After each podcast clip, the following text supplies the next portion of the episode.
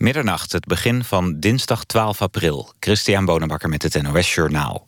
Minister Plasterk wil snel regelen dat werknemers in de publieke en semi-publieke sector niet meer mogen verdienen dan een minister. Dat komt neer op bijna 180.000 euro. In zijn wetsontwerp staat dat het maximum niet alleen geldt voor bestuurders, maar ook voor bijvoorbeeld adviseurs. Alleen voor luchtverkeersleiders en medisch specialisten wil Plasterk een uitzondering maken. Een motoragent uit Rotterdam heeft rijdend op zijn motor... een auto uit de Maastunnel weten te duwen. De auto was met pech stil komen te staan in de tunnel... en de bestuurder was doodsbenauwd dat hij zou worden aangereden. Hij kon niet geloven dat de motoragent hem vooruit zou kunnen duwen... maar de agent zei, ga maar zitten en trap vooral niet op de rem... schrijft hij op Twitter. Hij plaatste er ook een filmpje bij... waarop te zien is hoe hij met zijn rechterbeen de auto door de Maastunnel duwt.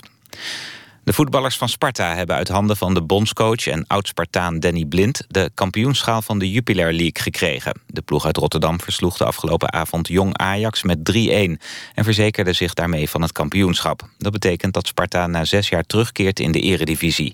De promotie leidde tot grote ontlading in het kasteel, het stadion van Sparta in Rotterdam-West. Iedereen hunkerde naar dit kampioenschap, zei trainer Alex Pastoor na afloop. Ajax gaat experimenteren met staanplaatsen in de arena. De KNVB werkt aan een proef met meer staantribunes en Ajax wil eraan meedoen. De plaatsen komen op de eerste ring Zuid. In 1999 werden staanplaatsen uit veiligheidsoverwegingen verboden. Maar in 2004 werden ze onder strikte voorwaarden weer toegestaan. Sindsdien hebben onder meer Heerenveen, NAC en Go Ahead Eagles... een beperkt aantal staanplaatsen. De KNVB wil dat uitbreiden... omdat staanplaatsen tot meer sfeer zouden leiden. Het weer. Vanuit het zuiden trekken buien over het land. Minima vannacht tussen 7 en 10 graden. De dag begint bewolkt met in het noorden nog regen. Later af en toe zon, met vooral in het noorden ook nog buien. En het wordt 15 of 16 graden. De rest van de week blijft het wisselvallig. En het is dan een graad of 15. Dit was het NOS Journaal. NPO Radio 1. VPRO. Nooit meer slapen.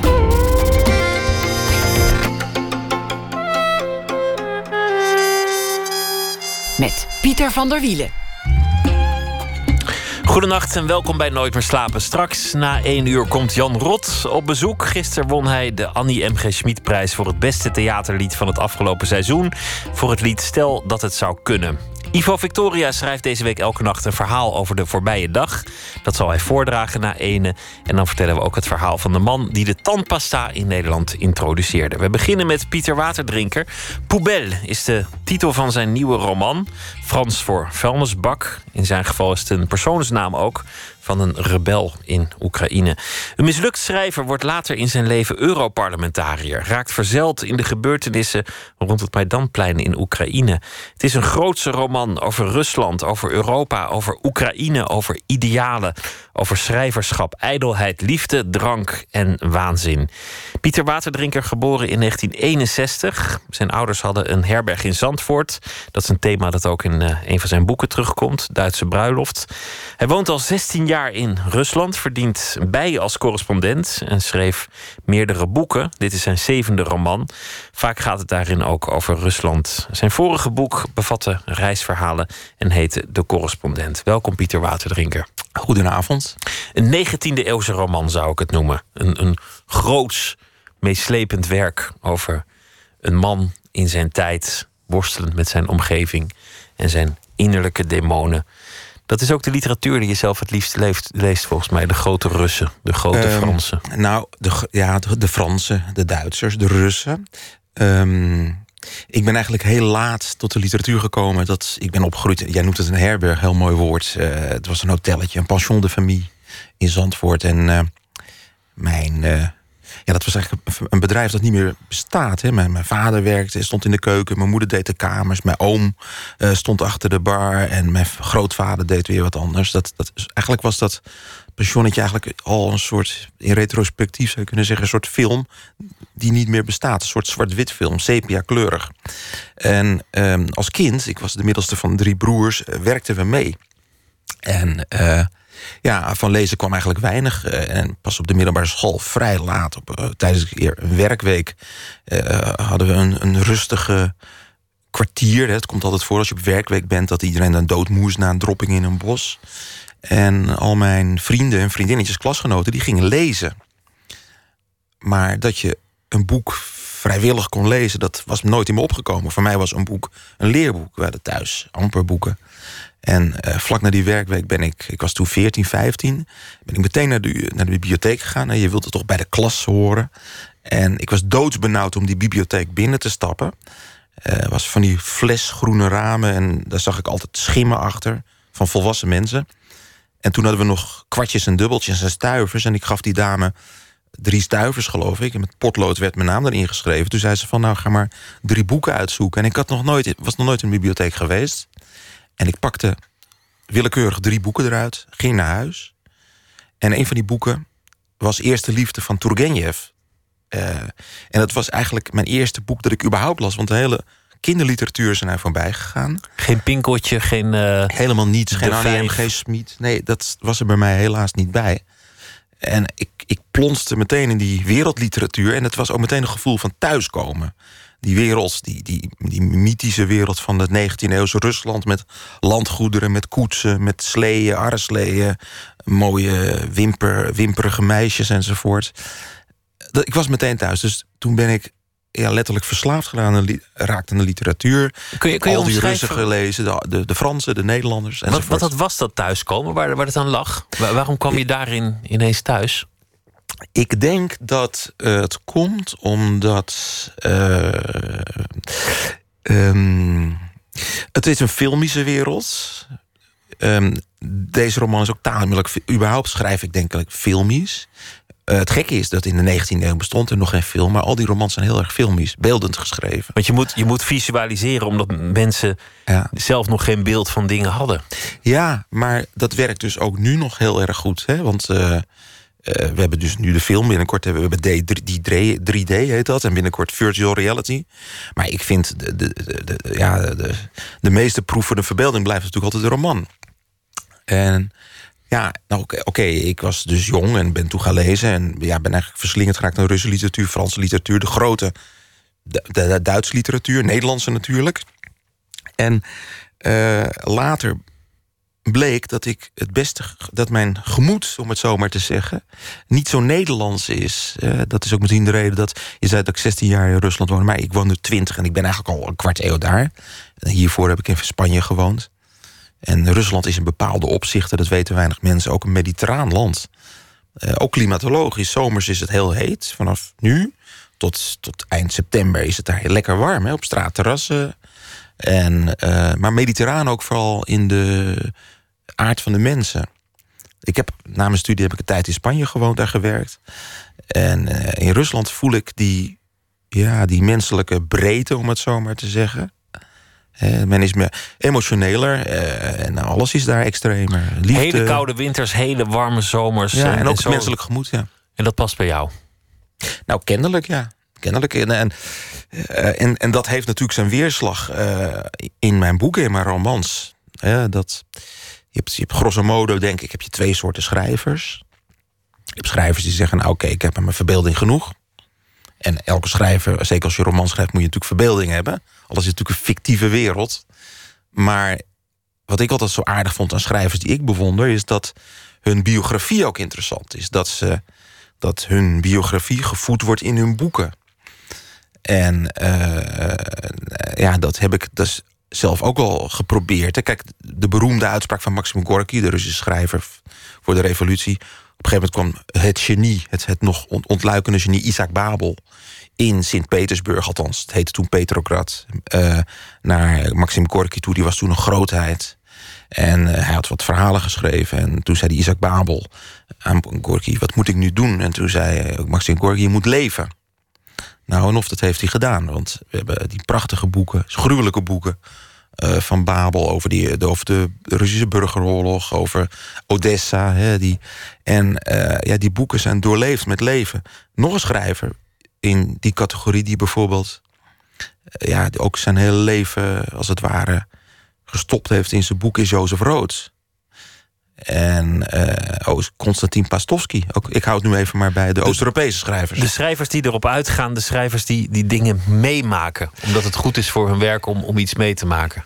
Ja, sommigen die, die kijken daarop neer. Bijvoorbeeld, ik, ik noem altijd ik, ik heb het wel eens vaker aangehaald. Dat Harry Mulisch, hè, die heeft in bepaalde opzichten... heeft hij de Nederlandse literatuur geen goede dienst bewezen... door te zeggen van ja, ik ben schrijver.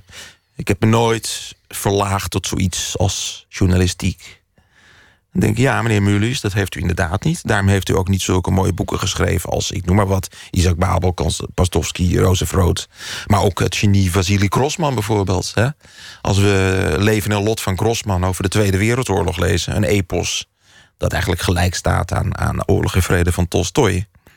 Ja, dan is dat, dat boek, uh, de aanslag van, van natuurlijk gewoon echt een kinderboekje. Sterker nog, ik, ik was ooit eens in Moskou toen Mulisch er was.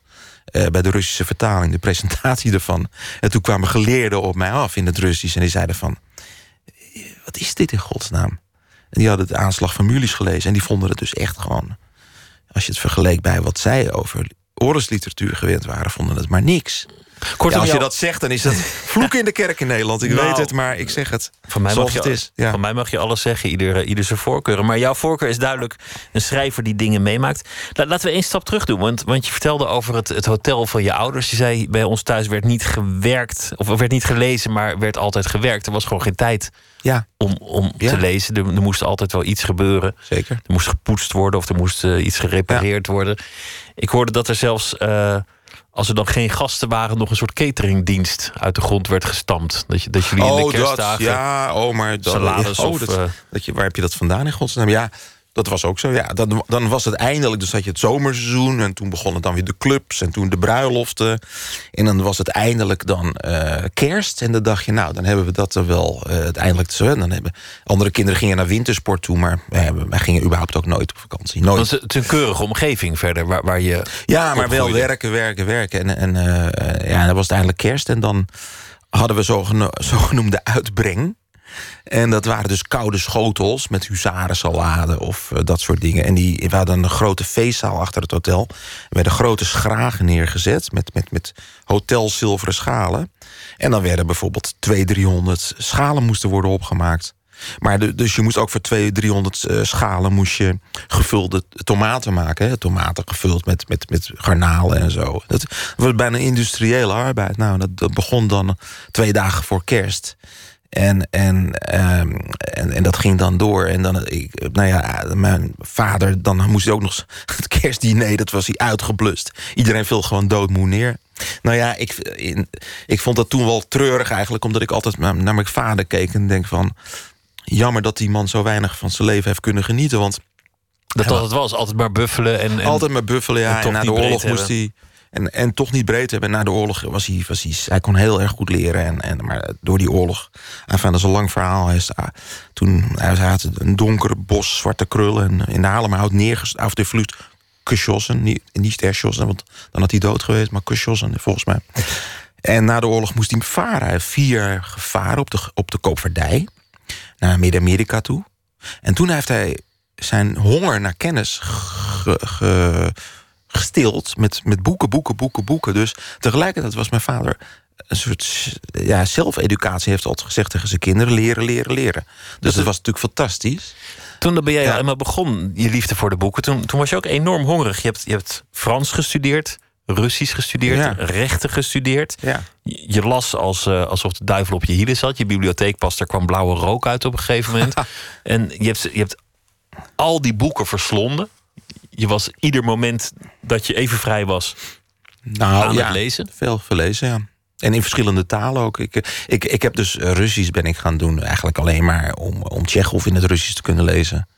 Of Tolstoy. En uh, dat was mijn aanvankelijke uh, aandrang. Ja. Was, dat, was het om iets goed te maken of in te halen? Of was het ook om, omdat je het niet zoals je vader wilde doen uiteindelijk? Nee, ja, beide denk ik het was wel zo dat, dat het avontuur, zou ik maar zeggen... mijn vader wilde eigenlijk, zo eind jaren 40... Uh, zei hij tegen mijn moeder, had hij moeder leren kennen... laten we naar Zuid-Amerika gaan. Laten we daar een hotel beginnen. Ergens in, in uh, zei mijn moeder... mijn moeder was nog nooit buiten het dorp geweest... bij wijze van spreken, zegt no way. Dus dat heeft mijn vader altijd wel heel erg gekenmerkt... dat, dat ik zag dat daar toch een avontuurlijker man in zat... die ook wel het nodig had meegemaakt. Als je vier, vijf jaar de grote wereldzeeën hebt bevaren... in mindere gunstige omstandigheden dan nu. Echt, echt stormen en, en eh, verhalen hoorde ik over... eh, Het, het graan ging schuiven en, en de hutten van, werden van het dek afgeslagen. Allemaal natuurlijk avontuurlijke verhalen. En, eh, nou ja, en omdat wij zelf altijd maar aan het werk waren, we amper reisden.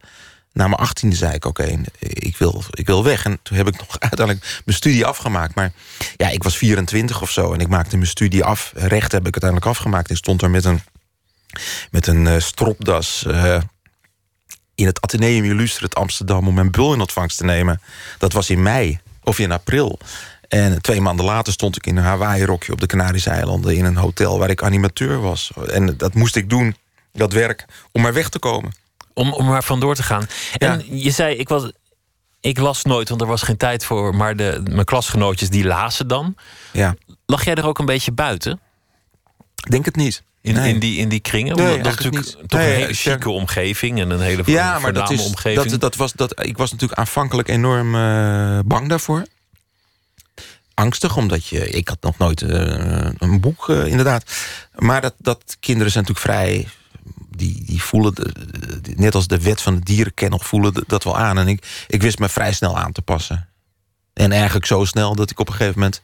misschien wel een soort respect kreeg... als je het woord zou kunnen gebruiken... door het inhalen van kennis. Dat, eh, ja, ik, ja, het is een beetje, beetje cru om misschien te zeggen, maar ehm, ik wilde eigenlijk Frans. Ik wilde altijd weg, weg, weg. En ik denk, dacht ik moet zo goed mogelijk mijn talen leren.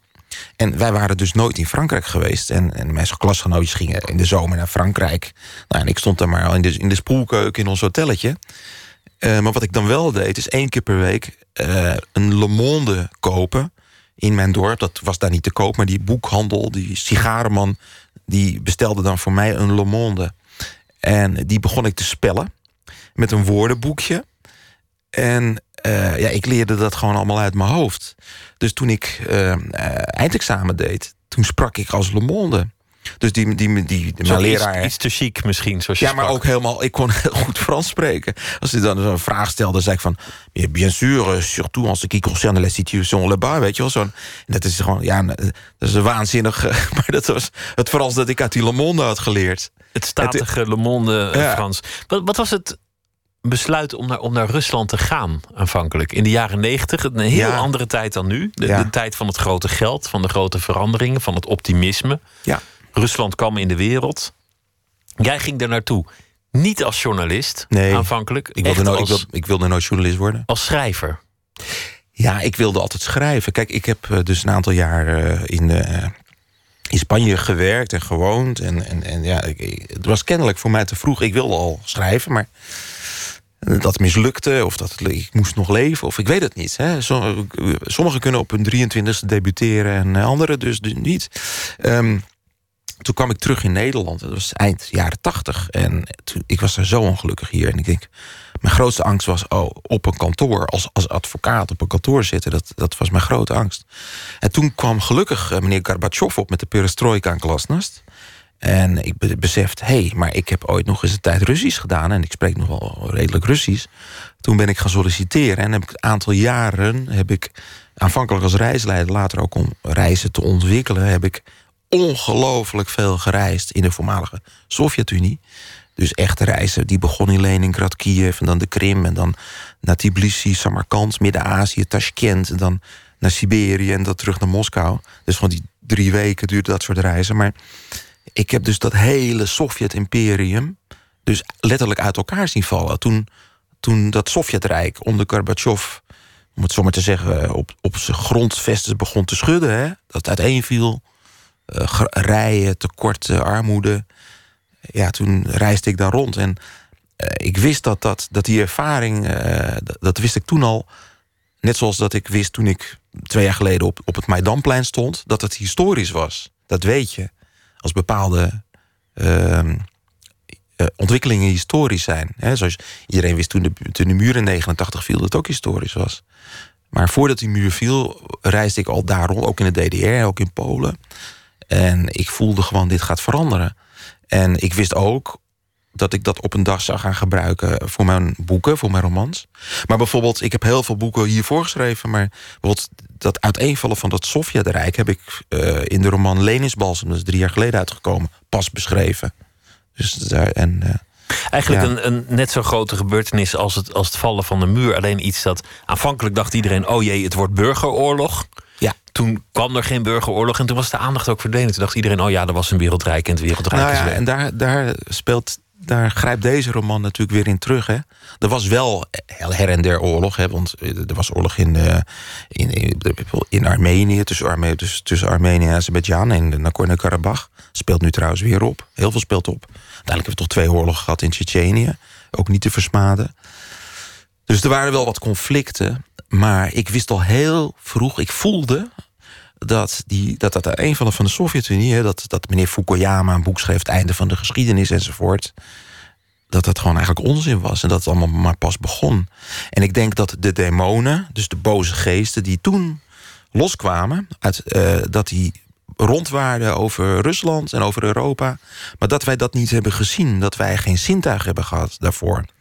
En uh, dat hele conflict rondom Oekraïne, dat associatieverdrag, de Maidan, annexatie van de Krim, dat heeft natuurlijk allemaal daar zijn oorzaak in. Ik bedoel, in dat uiteenvallen van het Sovjetrijk, dat is een veel groter trauma geweest voor de Russen en nog steeds dan wij hebben kunnen bevroeden. Maar het Westen heeft het niet gezien. Je kunt ook zeggen, het Westen heeft het niet willen zien.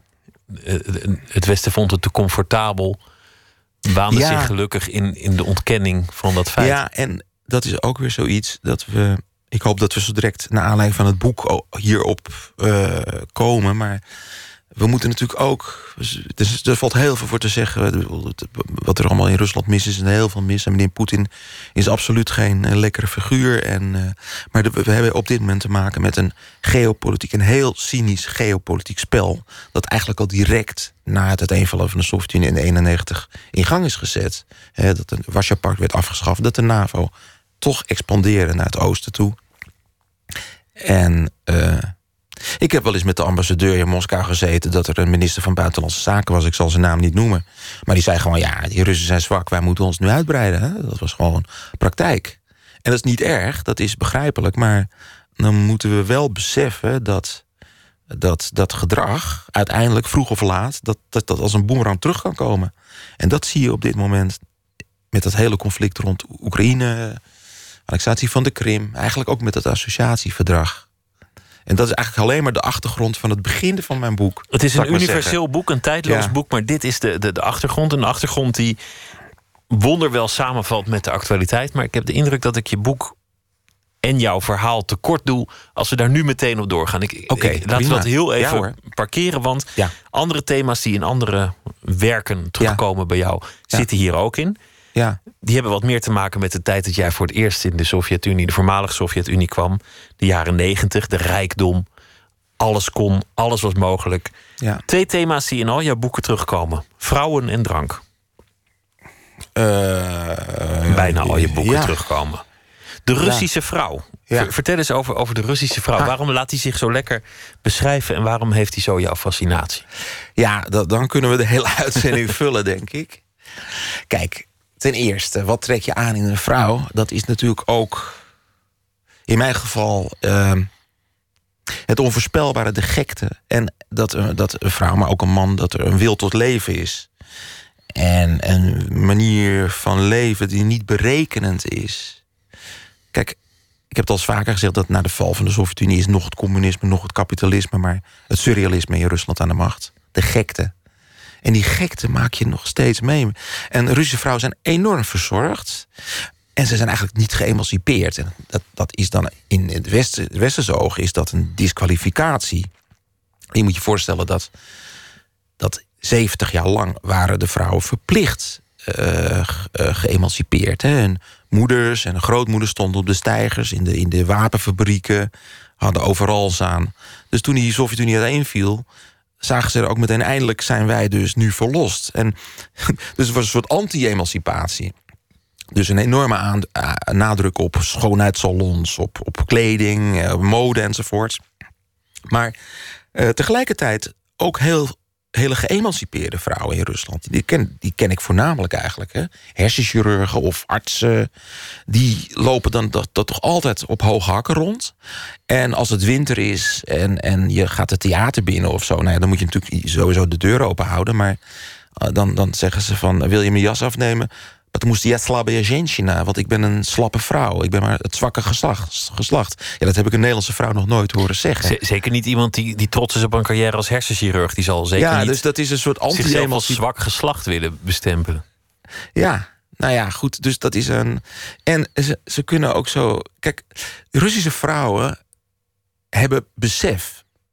En waarvan? Ze hebben eigenlijk een soort literair besef. Namelijk dat je, dat je leeft en dat je doodgaat. En dat daartussen zit. dat kan kort duren, het kan lang duren. Maar daar moet je wel van genieten, want het kan zo voorbij gaan. En dat besef is bijna genetisch overgegeven. Omdat door dat land is door zoveel oorlogen getroffen. Door zoveel ellende. En ze weten van hun moeders en grootmoeders. Je moet het nu doen, je moet nu leven. Want, uh, en dat is, dat is. Ik heb dat voorbij, tot mijn verbijstering heb ik dat gezien. Dat is, ik kom nu trouwens op iets heel bijzonders. Dat heeft, dat, nu ik dit zeg, wat uh, ooit heeft Tolstoy... en daar is later een boek geschreven, dat heet Natasja's Dans... waarin Tolstoy dat ook beschrijft, dat een adellijk meisje... Uh, dat die, die nooit met het volk te maken heeft gehad eigenlijk... opeens begint er dan volksmuziek te dansen... en begint ze van nature al te dansen. Die bewegingen zitten er van nature in. Die Kozakken, uh, genetisch ligt dat in hun lichaam. En dat, dat, dat merk ik. Ik was ik was vier dagen geleden in Kiev. En ja, nu is uh, Oekraïne, Rusland, alsof het allemaal anders is. Maar het is gewoon. Het is een soep van genen, hè, die voormalige Sovjet-Unie. En ik sprak een vrouw in een, in een, uh, in een bar. Of in, de, in de, de lobby beneden. En die vertelde heel openlijk, ze werkte nu ze werkte in die lobby, dat ze, dat ze ooit uh, prostituee was geweest. En die bar zat vol met, met Joden. Heel veel, op dit moment zitten er heel veel Amerikanen en Joden van de Mossad in Kiev. Dat weten mensen niet. Maar er is een geopolitiek spel aan de hand. Het is gewoon James Bond. En, en dat kan ik. Dat is aan de gang. En die dame die, die, die zat, zat te roken en die, had, die stond achter een buffet en zei van: Oh ja, die Joden, dit en dat. Ze begon gewoon te vertellen. Zegt ze: Ja, ik was acht jaar geleden werkte ik in een salon. En toen kwamen ook allemaal die, die, die Joden. Maar dat zijn hele goede klanten wel, maar wel gek zijn wel gek. Zeg, hoezo dan? Ja, een Jood die gaat niet zomaar naar, naar, naar, naar een prostituee. Die, gaat, die moet eerst getrouwd zijn. Dus dan namen ze vaak een, een bosje uh, peterselie mee. Dan gingen ze naar de salon.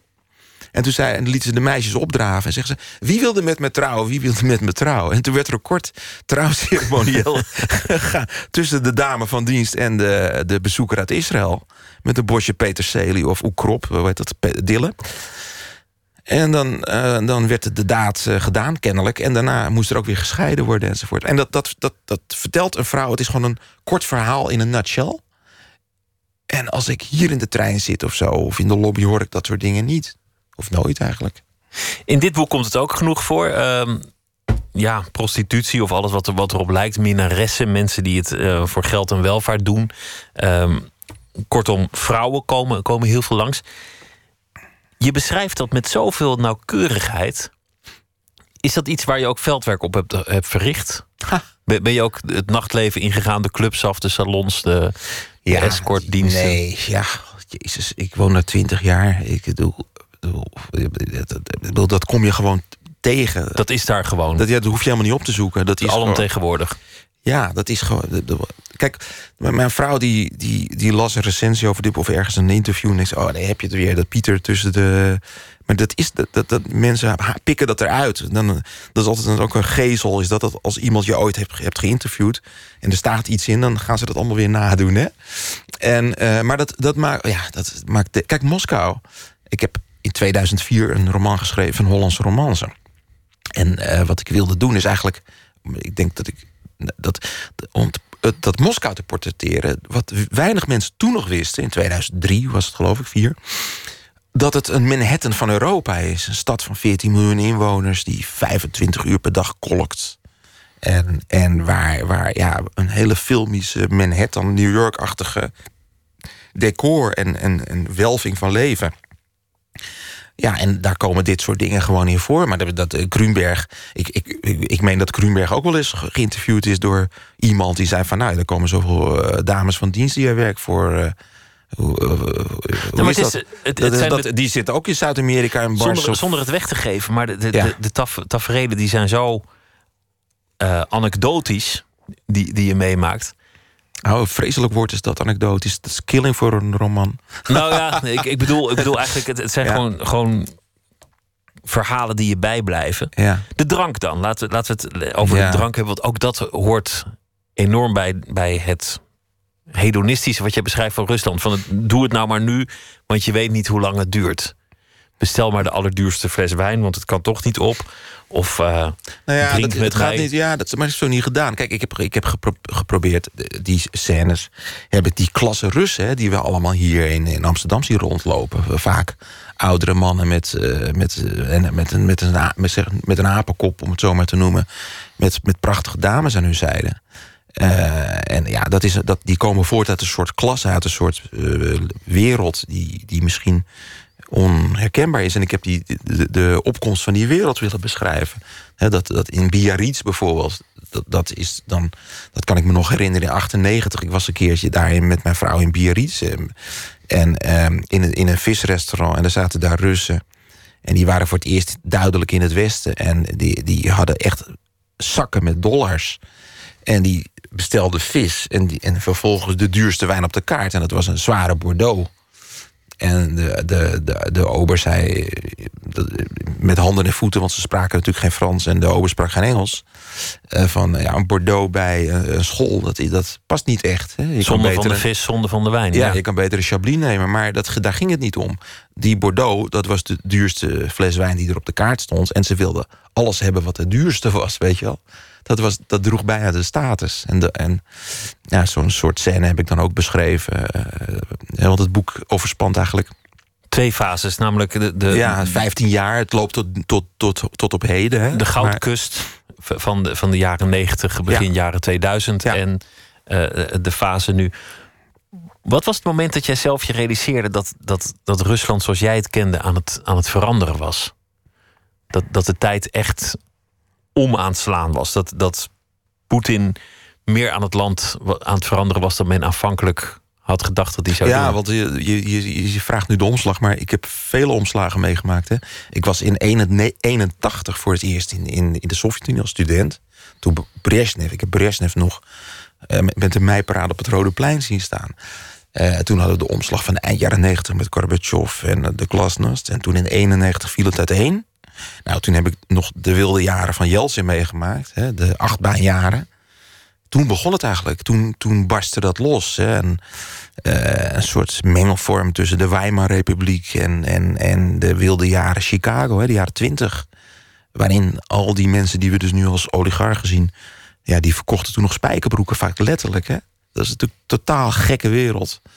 Um, dus dat was een omslagpunt. En uh, ja, die achtbaan, en die, die gekte werd eigenlijk door in 2000. Uh, toen Yeltsin de, de, toren of de toors overdroeg aan, aan Poetin. Toen, ja, toen kwam het tijdperk Poetin. Daar zitten we nu alweer 16 jaar in.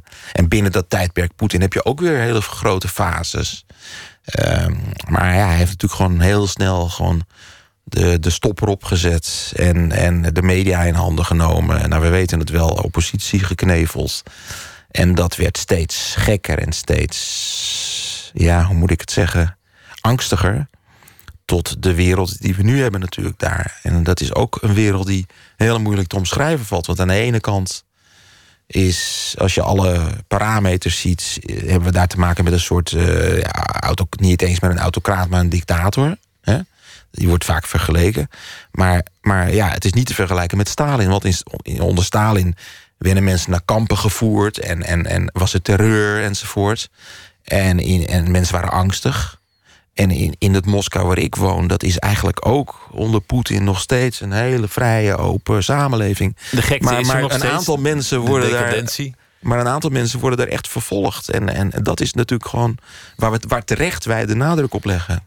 Dat de oppositie wordt vervolgd, dat journalisten uh, Ja. het, het werken onmogelijk wordt gemaakt. En, en dat er een enorme propagandamachine op gang is, eh, is gekomen. Ja.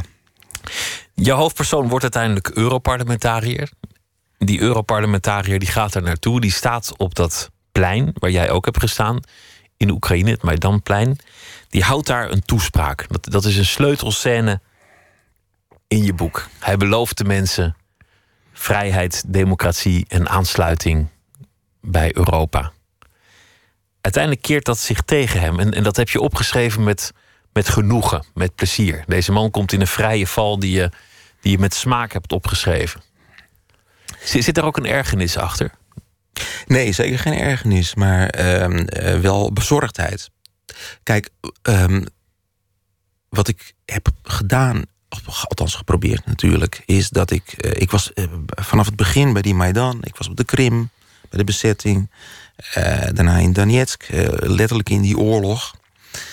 En we hadden het eerder over bijvoorbeeld schrijvers die ik bewonder, bijvoorbeeld eh, eh, Pastovsky, hè? die heeft de Russische revolutie beschreven. En toen ik dat las als 18-jarige, dacht ik altijd: hè, hoe, hoe weet die man dat allemaal? En dan las hij weer: ik, ik kwam gisteren Lenin tegen en toen Trotsky. En ik zei: dat kan toch niet dat je daar.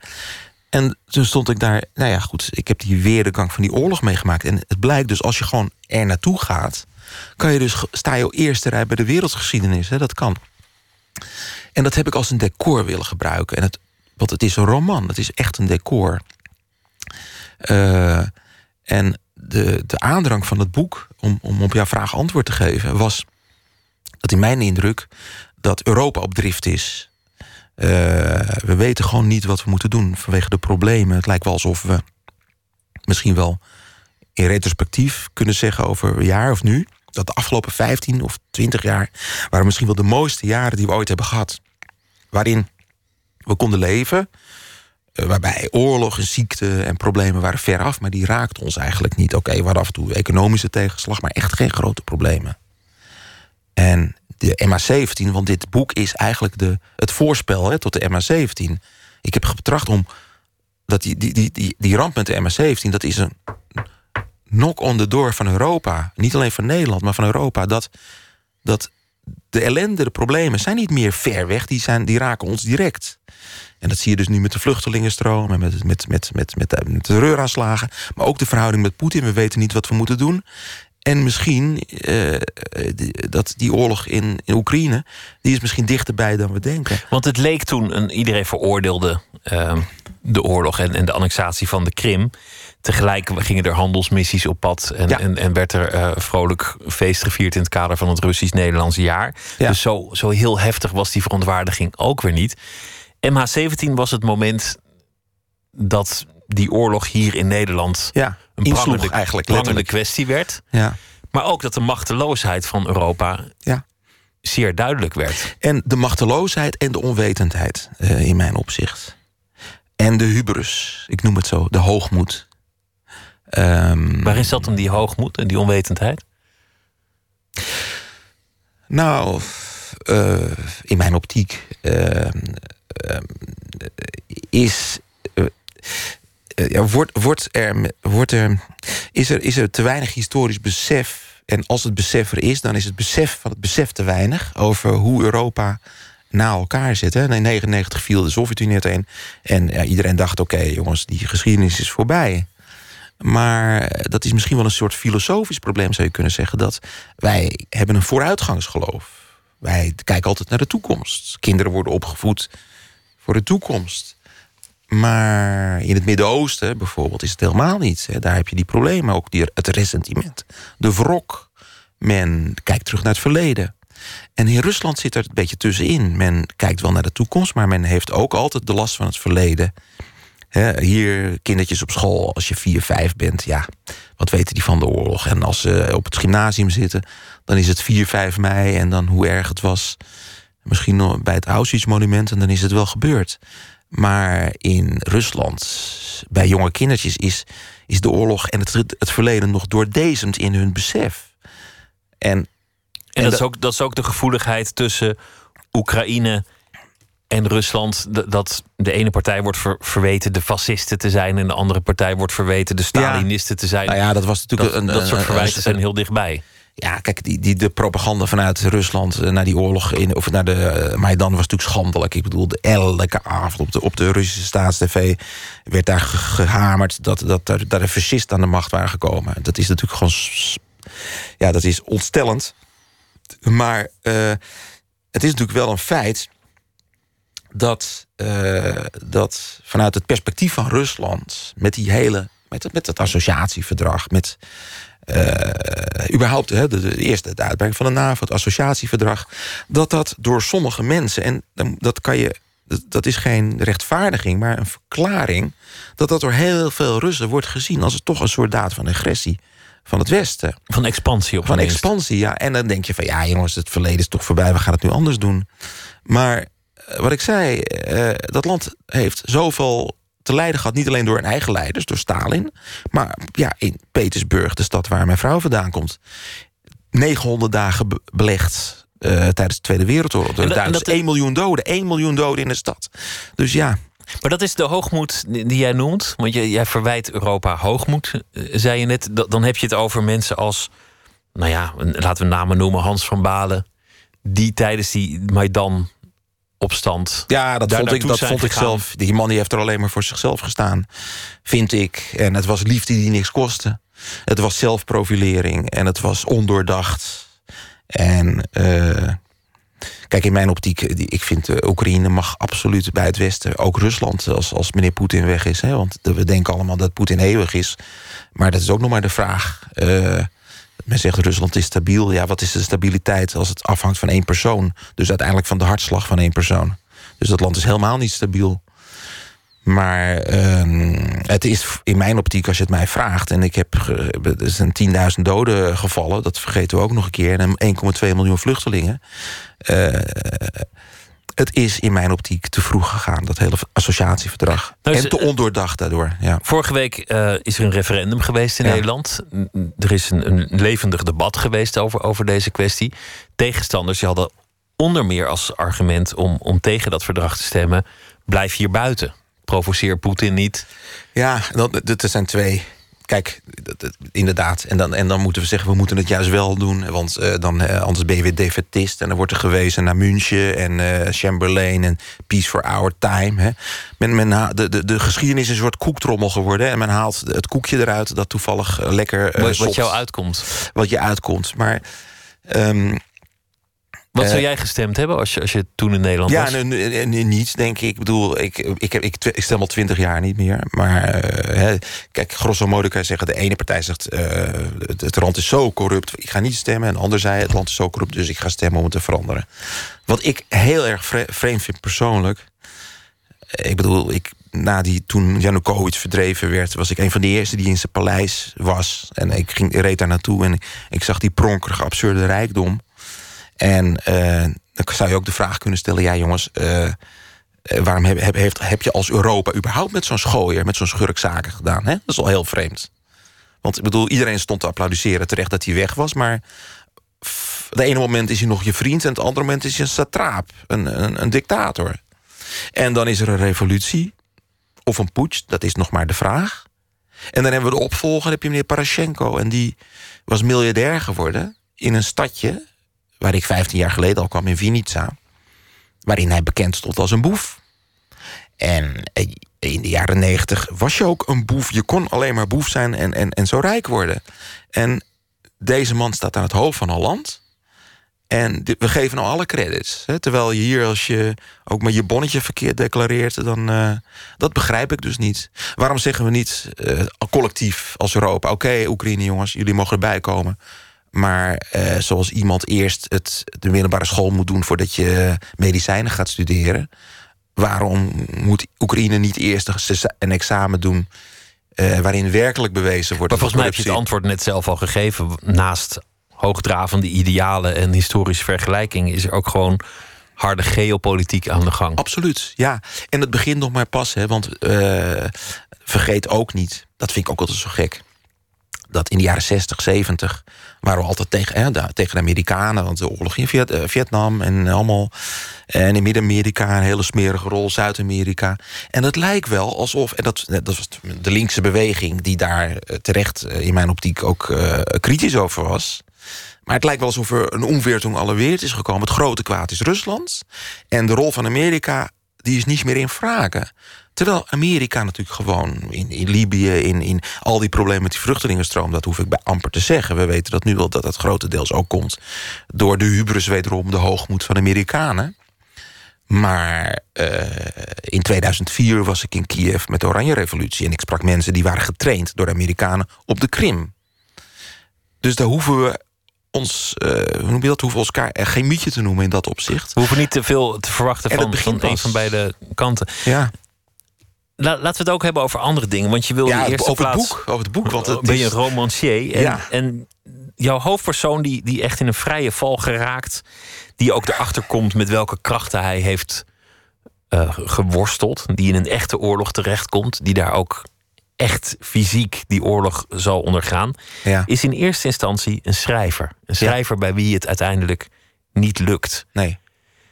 Daar heb je iets van jezelf ingelegd, namelijk je angst. Dit moet ooit je angst zijn geweest. Wat als dat schrijven niet gebeurt? Ja, maar ik denk lukt? dat, het- dat het de angst is van iedere kunstenaar. Dat, eh, Dat het niet komt. eh, ja, dat is de, het grootste. Ik, eh, dat is het, ik denk de, een van de grootste tragedies. Denk ik dat, dat als de ambitie groter is dan het talent. Eh, dat is een tragedie. Maar vaak weten mensen het niet. En als ze het wel beseffen, dan, dan verdoezelen ze het. Maar uiteindelijk komen ze erachter. Ze, ze worden ontmaskerd door de buitenwereld of door, door zichzelf. Je weet het uiteindelijk, eh, wa- wat je kracht en je, en je kunnen is. En. ehm, de, maar de, Maar wacht, eh, ik heb daar- dat persoonlijk niet zo gehad. Ja. Daarbij suggereer je een soort rechtvaardigheid... waarvan ik betwijfel of die bestaat. Of de goede schrijvers ook altijd het succes krijgen dat ze toekomt. Of dat iedereen die succes krijgt ook daadwerkelijk de beste is. Ja, maar ik, ik had de, maar ik denk de angst van, van de, de, de, de muzikus of de filmmaker of de schrijver eh, of de would-be, hè, die dat het nooit zou lukken. Dat is een vrij universele angst. Misschien wel de radiomaker, of, of, of de kok, of weet ik veel wat, of de voetballer. Hè, dat, dat het iemand die heel graag voetballer wil worden. En, dat, en, en tot op zijn 18e, 16e volhoudt, maar weet dat hij het eigenlijk niet, dat hij talent ontbeert, maar toch probeert. Dat is een van de grootste tragedies, denk ik, bij veel mensen. Maakt niet uit wat voor, dus ook bij schrijvers. Maar wat ik veel eer ook hierin heb. Dit, wat is dat het gemankeerde kunstenaarschap is maar één laagje, om het zo maar te zeggen, van, van, van de roman.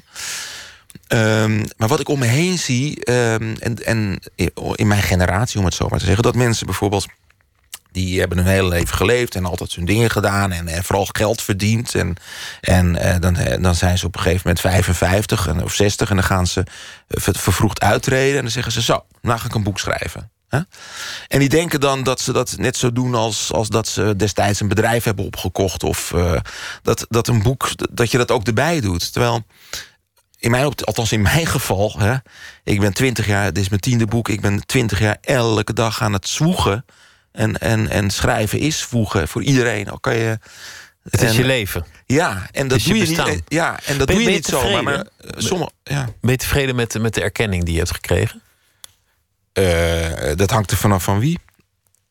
Nou, in het algemeen. Ik bedoel, je bent genomineerd voor een aantal mooie prijzen. Je hebt een, je hebt een aantal mooie recensies gehad. Je, je vorige boek heeft, heeft volgens mij heel aardig verkocht. Ja. Maar over het algemeen gesproken, ben, ben je tevreden? Nou, ehm, ik zou wel eens willen dat, dat, eh, dat ik meer gelezen zou worden. Ja, dat, dat is gewoon een. Dat, iedere schrijver heeft dat misschien. Eh, ik denk dat ik hele. Dat, ik hoor altijd toch. Hoe dat ligt, weet ik niet. Dat mensen zeggen, ja, als die voor het eerst een, een boek van mij lezen, dat ik dat niet weet, weet je wel. Dat er toch iets verkeerd zit. In, eh, sommigen zeggen, ja, dat komt, komt omdat je al twintig jaar of een kwart eeuw niet meer in Nederland woont. Ik denk dat dat niet waar is. Ik bedoel, Grunberg woont ook niet. Maar ja, die Nee. woont overal. Maar je hebt een soort Excel-literatuur. Je hebt schrijvers die gewoon niet in Nederland wonen. Dus dat is natuurlijk, ik ben niet zo vaak hier. Dat zou kunnen. Eh, maar bijvoorbeeld, ja, ik schrijf eh, zeer toegankelijk en vaak ook, ja, wat ik hoor, meeslepende boeken. En, en, en Maar je bent niet En- miskend daarover. Over, over je Nee, succes. maar kijk, nee, nee, nee, maar succes, ik krijg bijval genoeg. Maar op de een of andere manier eh, lukt het me niet voldoende om lezers te vinden. Dat is heel curieus. Omdat ik, als ik lezen spreek, zeggen ze van ja, dat ik dat niet weet. Dat ik nog iedere keer dit is mijn tiende boek moeten uitleggen... terwijl ik eigenlijk meer lezers in het buitenland heb gehad misschien dan, dan hier. Dat is toch raar eigenlijk, hè? Maar er zijn zoveel boeken die verschijnen. En, en Ja. het is ja, Zeker, zo'n eh, enorme factor toeval Ja, of, exact. of dat gebeurt. En, en Ja. veel mensen lezen een boek omdat iedereen het boek leest. Omdat daar een soort wiskundige wet achter ligt. Stilaan liggen, liggen er in boekenland helaas, dat weet jij zelf ook... eh, kan je bijna met mathematische zekerheid zeggen... welk boek het gaat doen. Dat kan je al in de aanbiedingsfolders zien.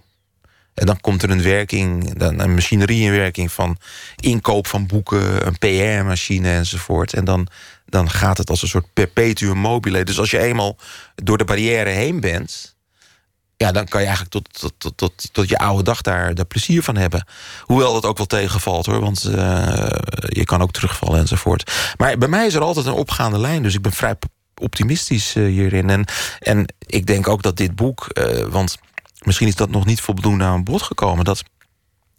eh, ja, ik heb dus echt getracht uit mijn verbijstering. Je moet je voorstellen, ik, ik zat daar bijvoorbeeld daar in Oekraïne... en op een gegeven moment in Oost-Oekraïne... met nog de kruiddampen aan mijn lichaam. En ik was dan even een paar dagen in Nederland. En dat zullen veel mensen eh, herkennen... die in soortgelijke omstandigheden hebben verkeerd. Dat je dan vertelt... en dat, dat mensen dan hier op het terras zeggen... Dat, dat ze beter weten hoe het in Oekraïne zit dan jij... Hè, terwijl je er net vandaan komt. Dat is ook weer zo gek. Mensen weten het vaak beter. En ik was dus ik was even gedesoriënteerd over, over dat Europa dat op drift is. En wat er allemaal zich afspeelde. En toen dacht ik, ik ga in dit boek een truc uithalen. Ik ga gewoon door de ogen van de hoofdpersoon... kan de lezer bij meemaken wat er allemaal gebeurd is. Dus eigenlijk, als je dit boek leest, kan je gewoon door de... Hè, er wordt heel veel in gereisd en het speelt zich in Frankrijk af. En in, in Brussel speelt het zich af, Nederland. Maar ook in Rusland en Oekraïne. Mijn poging was althans dat je dan door de ogen van de hoofdpersoon Wessel Stols... eigenlijk gewoon als in een film meemaakt wat er de afgelopen jaren is gebeurd. Zonder dat er een oordeel over wordt geveld. Mag de lezer dan zelf doen. Dat was mijn bedoeling. Het boek heet Poebel, Pieter Waterdrinker. Ik wens je heel veel succes en dank je wel. Zeer veel dank. We gaan luisteren naar eh, Cautionary Tale, een verhaal uit de folklore bedoeld om anderen te waarschuwen. Titel ook van het album van de Amerikaanse zanger Dylan LeBlanc. En eh, van dat album draaien we nu het titelnummer Cautionary Tale.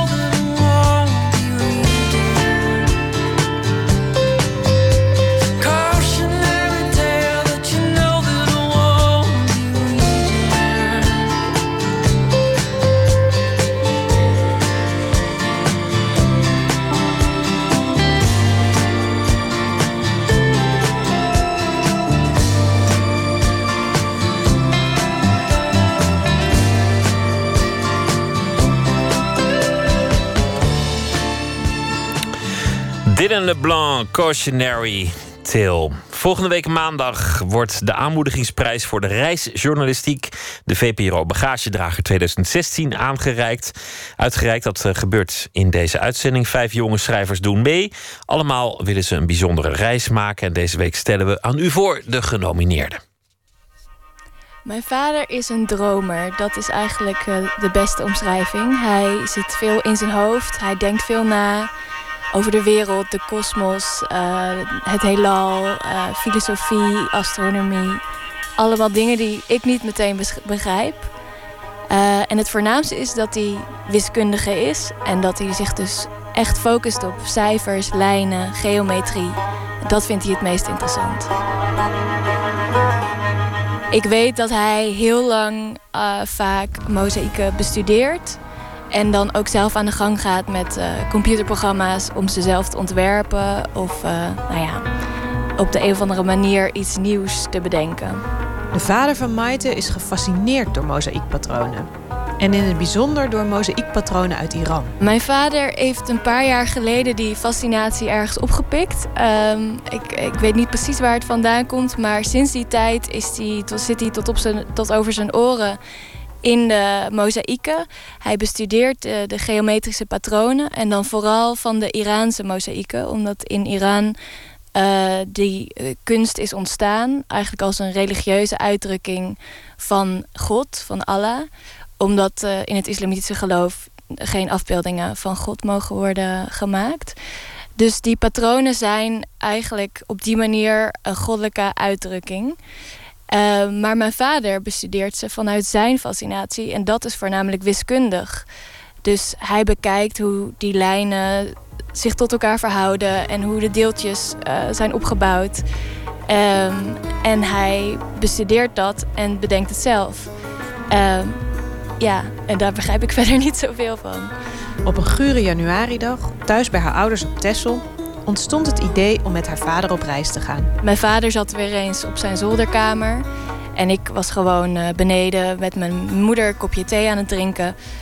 En toen kwam mijn vader opeens naar beneden. En eh, met, met, met echt eh, glinstering in zijn ogen.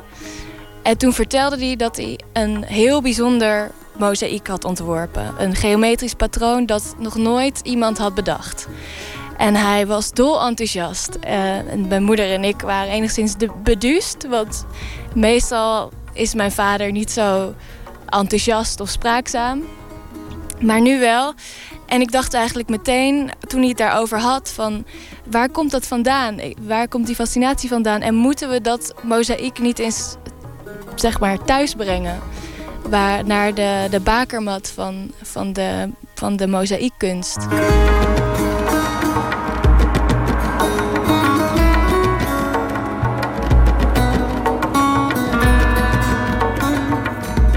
Ik wil met mijn vader naar Iran, naar Isfahan. Dat is de stad eh, waar die kunst is ontstaan.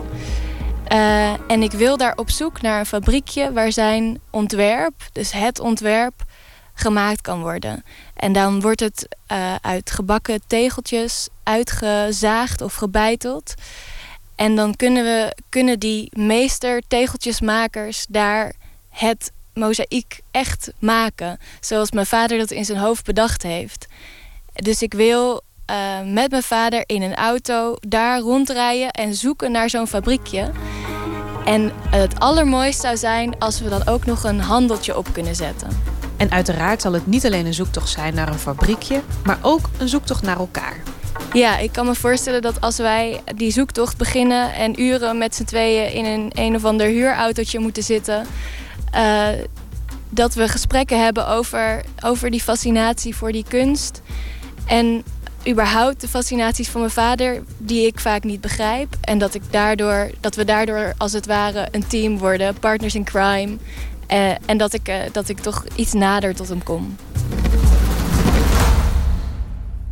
Maite Karsenberg over de reis die ze wil maken naar Iran met haar vader. De winnaar van de bagagedrager wordt door Frank Westerman bekendgemaakt. maandag, dus eh, vandaag over een week. Een verslag van Inge Terschuren was dat. Zometeen eh, gaan we verder. Jan Rot komt eh, op bezoek. Hij heeft net een mooie prijs gewonnen voor zijn theaterlied. Stel dat het allemaal zou kunnen. Ivo Victoria schrijft een verhaal over de voorbije dag. En we gaan het ook hebben over de week in Milaan die is begonnen, namelijk de Italiaanse Design Week. Twitter, VPRO NMS. U kunt ons eh, liken op Facebook en zich abonneren op de podcast via de website van de VPRO. Op Radio 1. Het nieuws van alle kanten.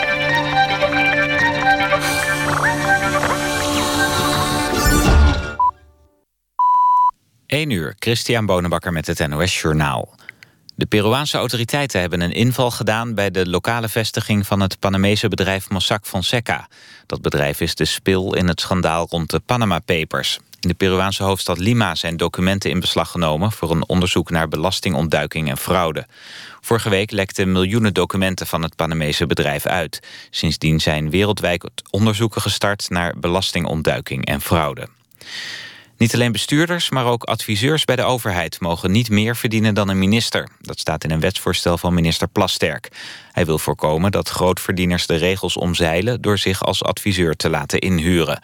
Dat betekent dat straks in principe niemand... in de publieke en semi-publieke sector meer mag verdienen... dan circa 180.000 euro per jaar. Plasterk wil wel een uitzondering maken voor luchtverkeersleiders... medisch specialisten en enkele bijzondere gevallen.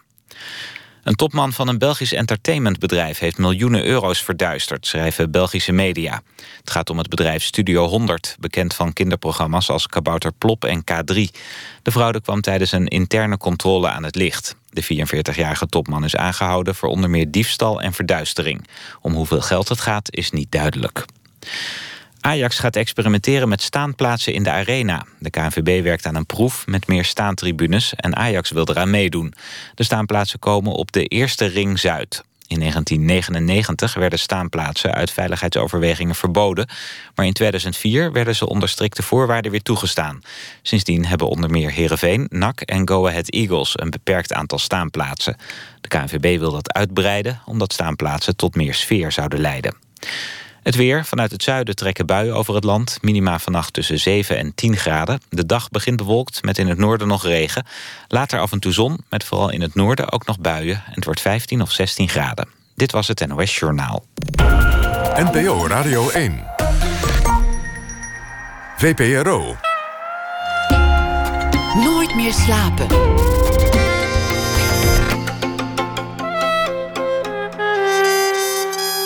Met Pieter van der Wielen. U luistert naar het Nooit meer slapen. Straks gaan we het hebben over meubels van rottend vlees. Aandacht voor Mental van Frank Kraken. Een boek over de man die Nederland aan de tandpasta bracht. We praten met Jan Rot. Hij heeft een eh, lied gemaakt. Stel dat het zou kunnen. En daarvoor won hij gisteren de Annie M.G. Schmid-prijs. De Vlaamse Amsterdammer Ivo Victoria zal deze week elke dag een verhaal maken over de afgelopen dag. Drie romans heeft hij al geschreven. Waaronder Hoe ik nimmer de Ronde van Frankrijk voor min 12-jarigen won en dat het me spijt. Gelukkig zijn we machteloos en dieven van vuur. Ivo Victoria, goeienacht. Goeienacht. Leuk dat je het weer eh, gaat doen deze week. Elke dag Ja. een verhaal schrijven over de voorbije dag. Wat, eh, wat voor dag ligt achter ons? Ja, ehm raar dagje. Waarom? Ik, eh, ja, ik, ik weet, ja, nou, ik, het was natuurlijk schitterend weer. Eh, dat vooropgesteld. Ehm, en ik zat een beetje te zoeken vandaag naar eh, nieuwsberichten die mij eh, tot schrijven zouden aanzetten.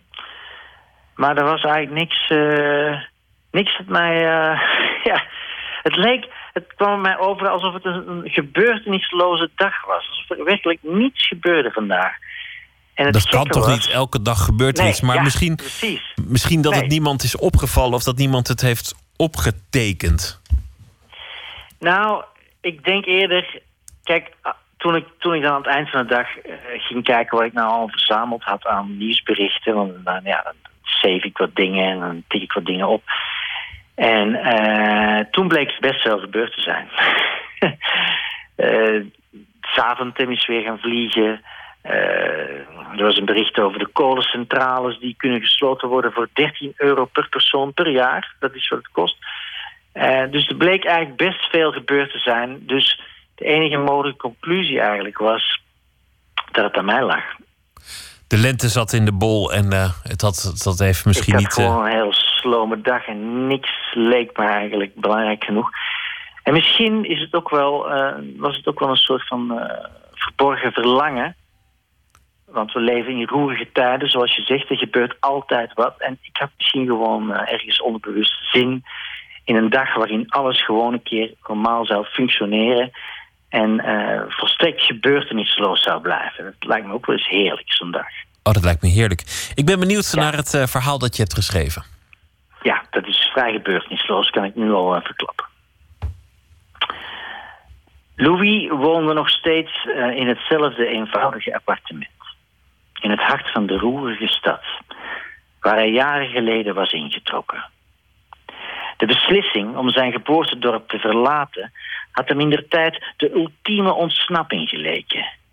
En hij herinnerde zich nog goed het gevoel van vrijheid dat hem overviel, zodra hij de stad was binnengereden. Een prachtige, glorieuze dag, gevuld met de geur van nieuwe mogelijkheden die hij, een jonge kerel nog, gulzig had opgesnoven.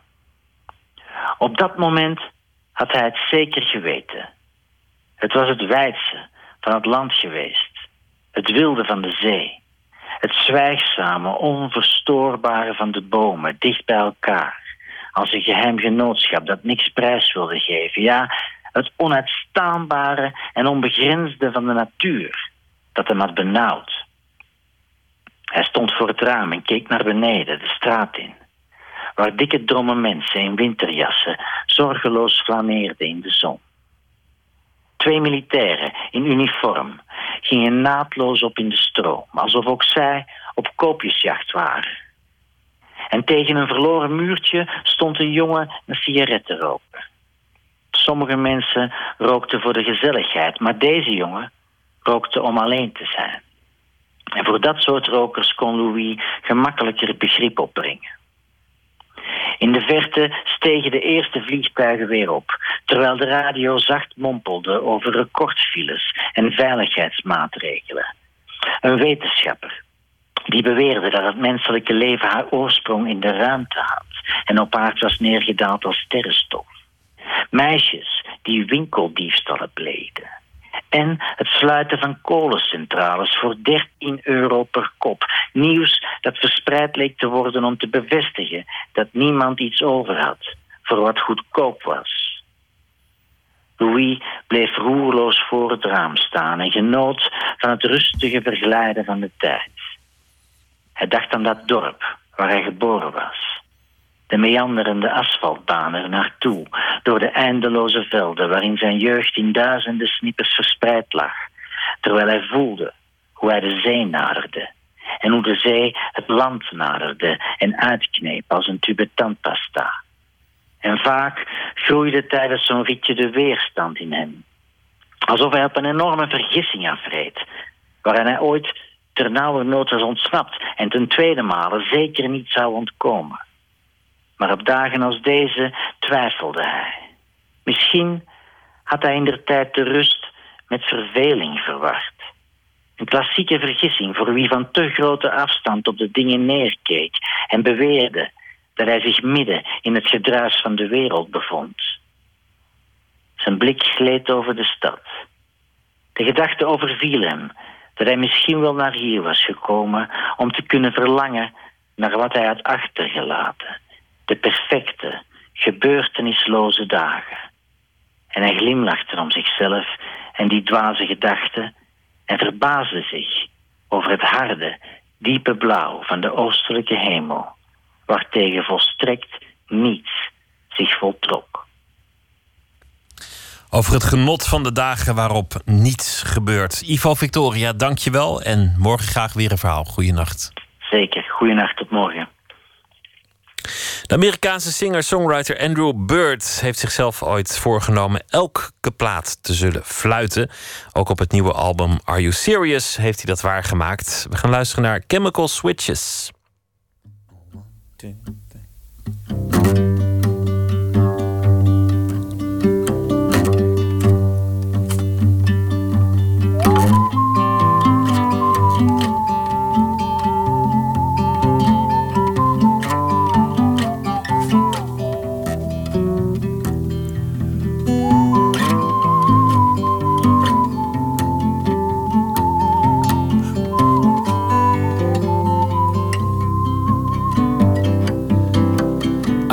Hearing a vicious rumor. From the back rooms to the alleys to the avenues That you lost your sense of humor. In the first place you look is the soles of your shoes. And I watch these ice fields melt into the sea. Warming your oceans for centuries. Saline waters bring you back to me? Oh, the weight is bringing me to my knees. Chemical switches thrown in the dark. All it takes is a spark to begin. And can you tell which is the one with the mark? bleeds through the clothes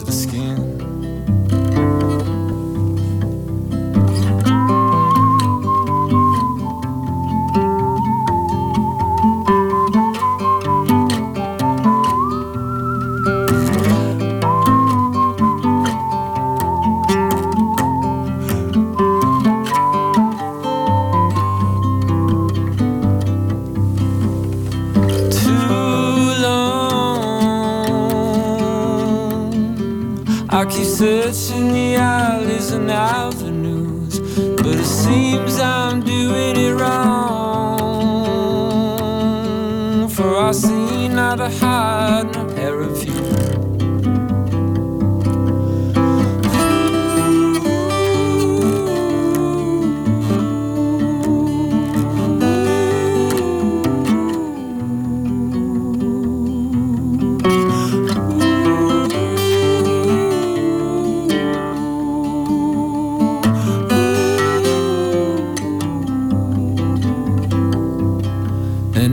It's a short, short walk from pebbles to bricks. From stones back to sticks, we're lowering the boiling.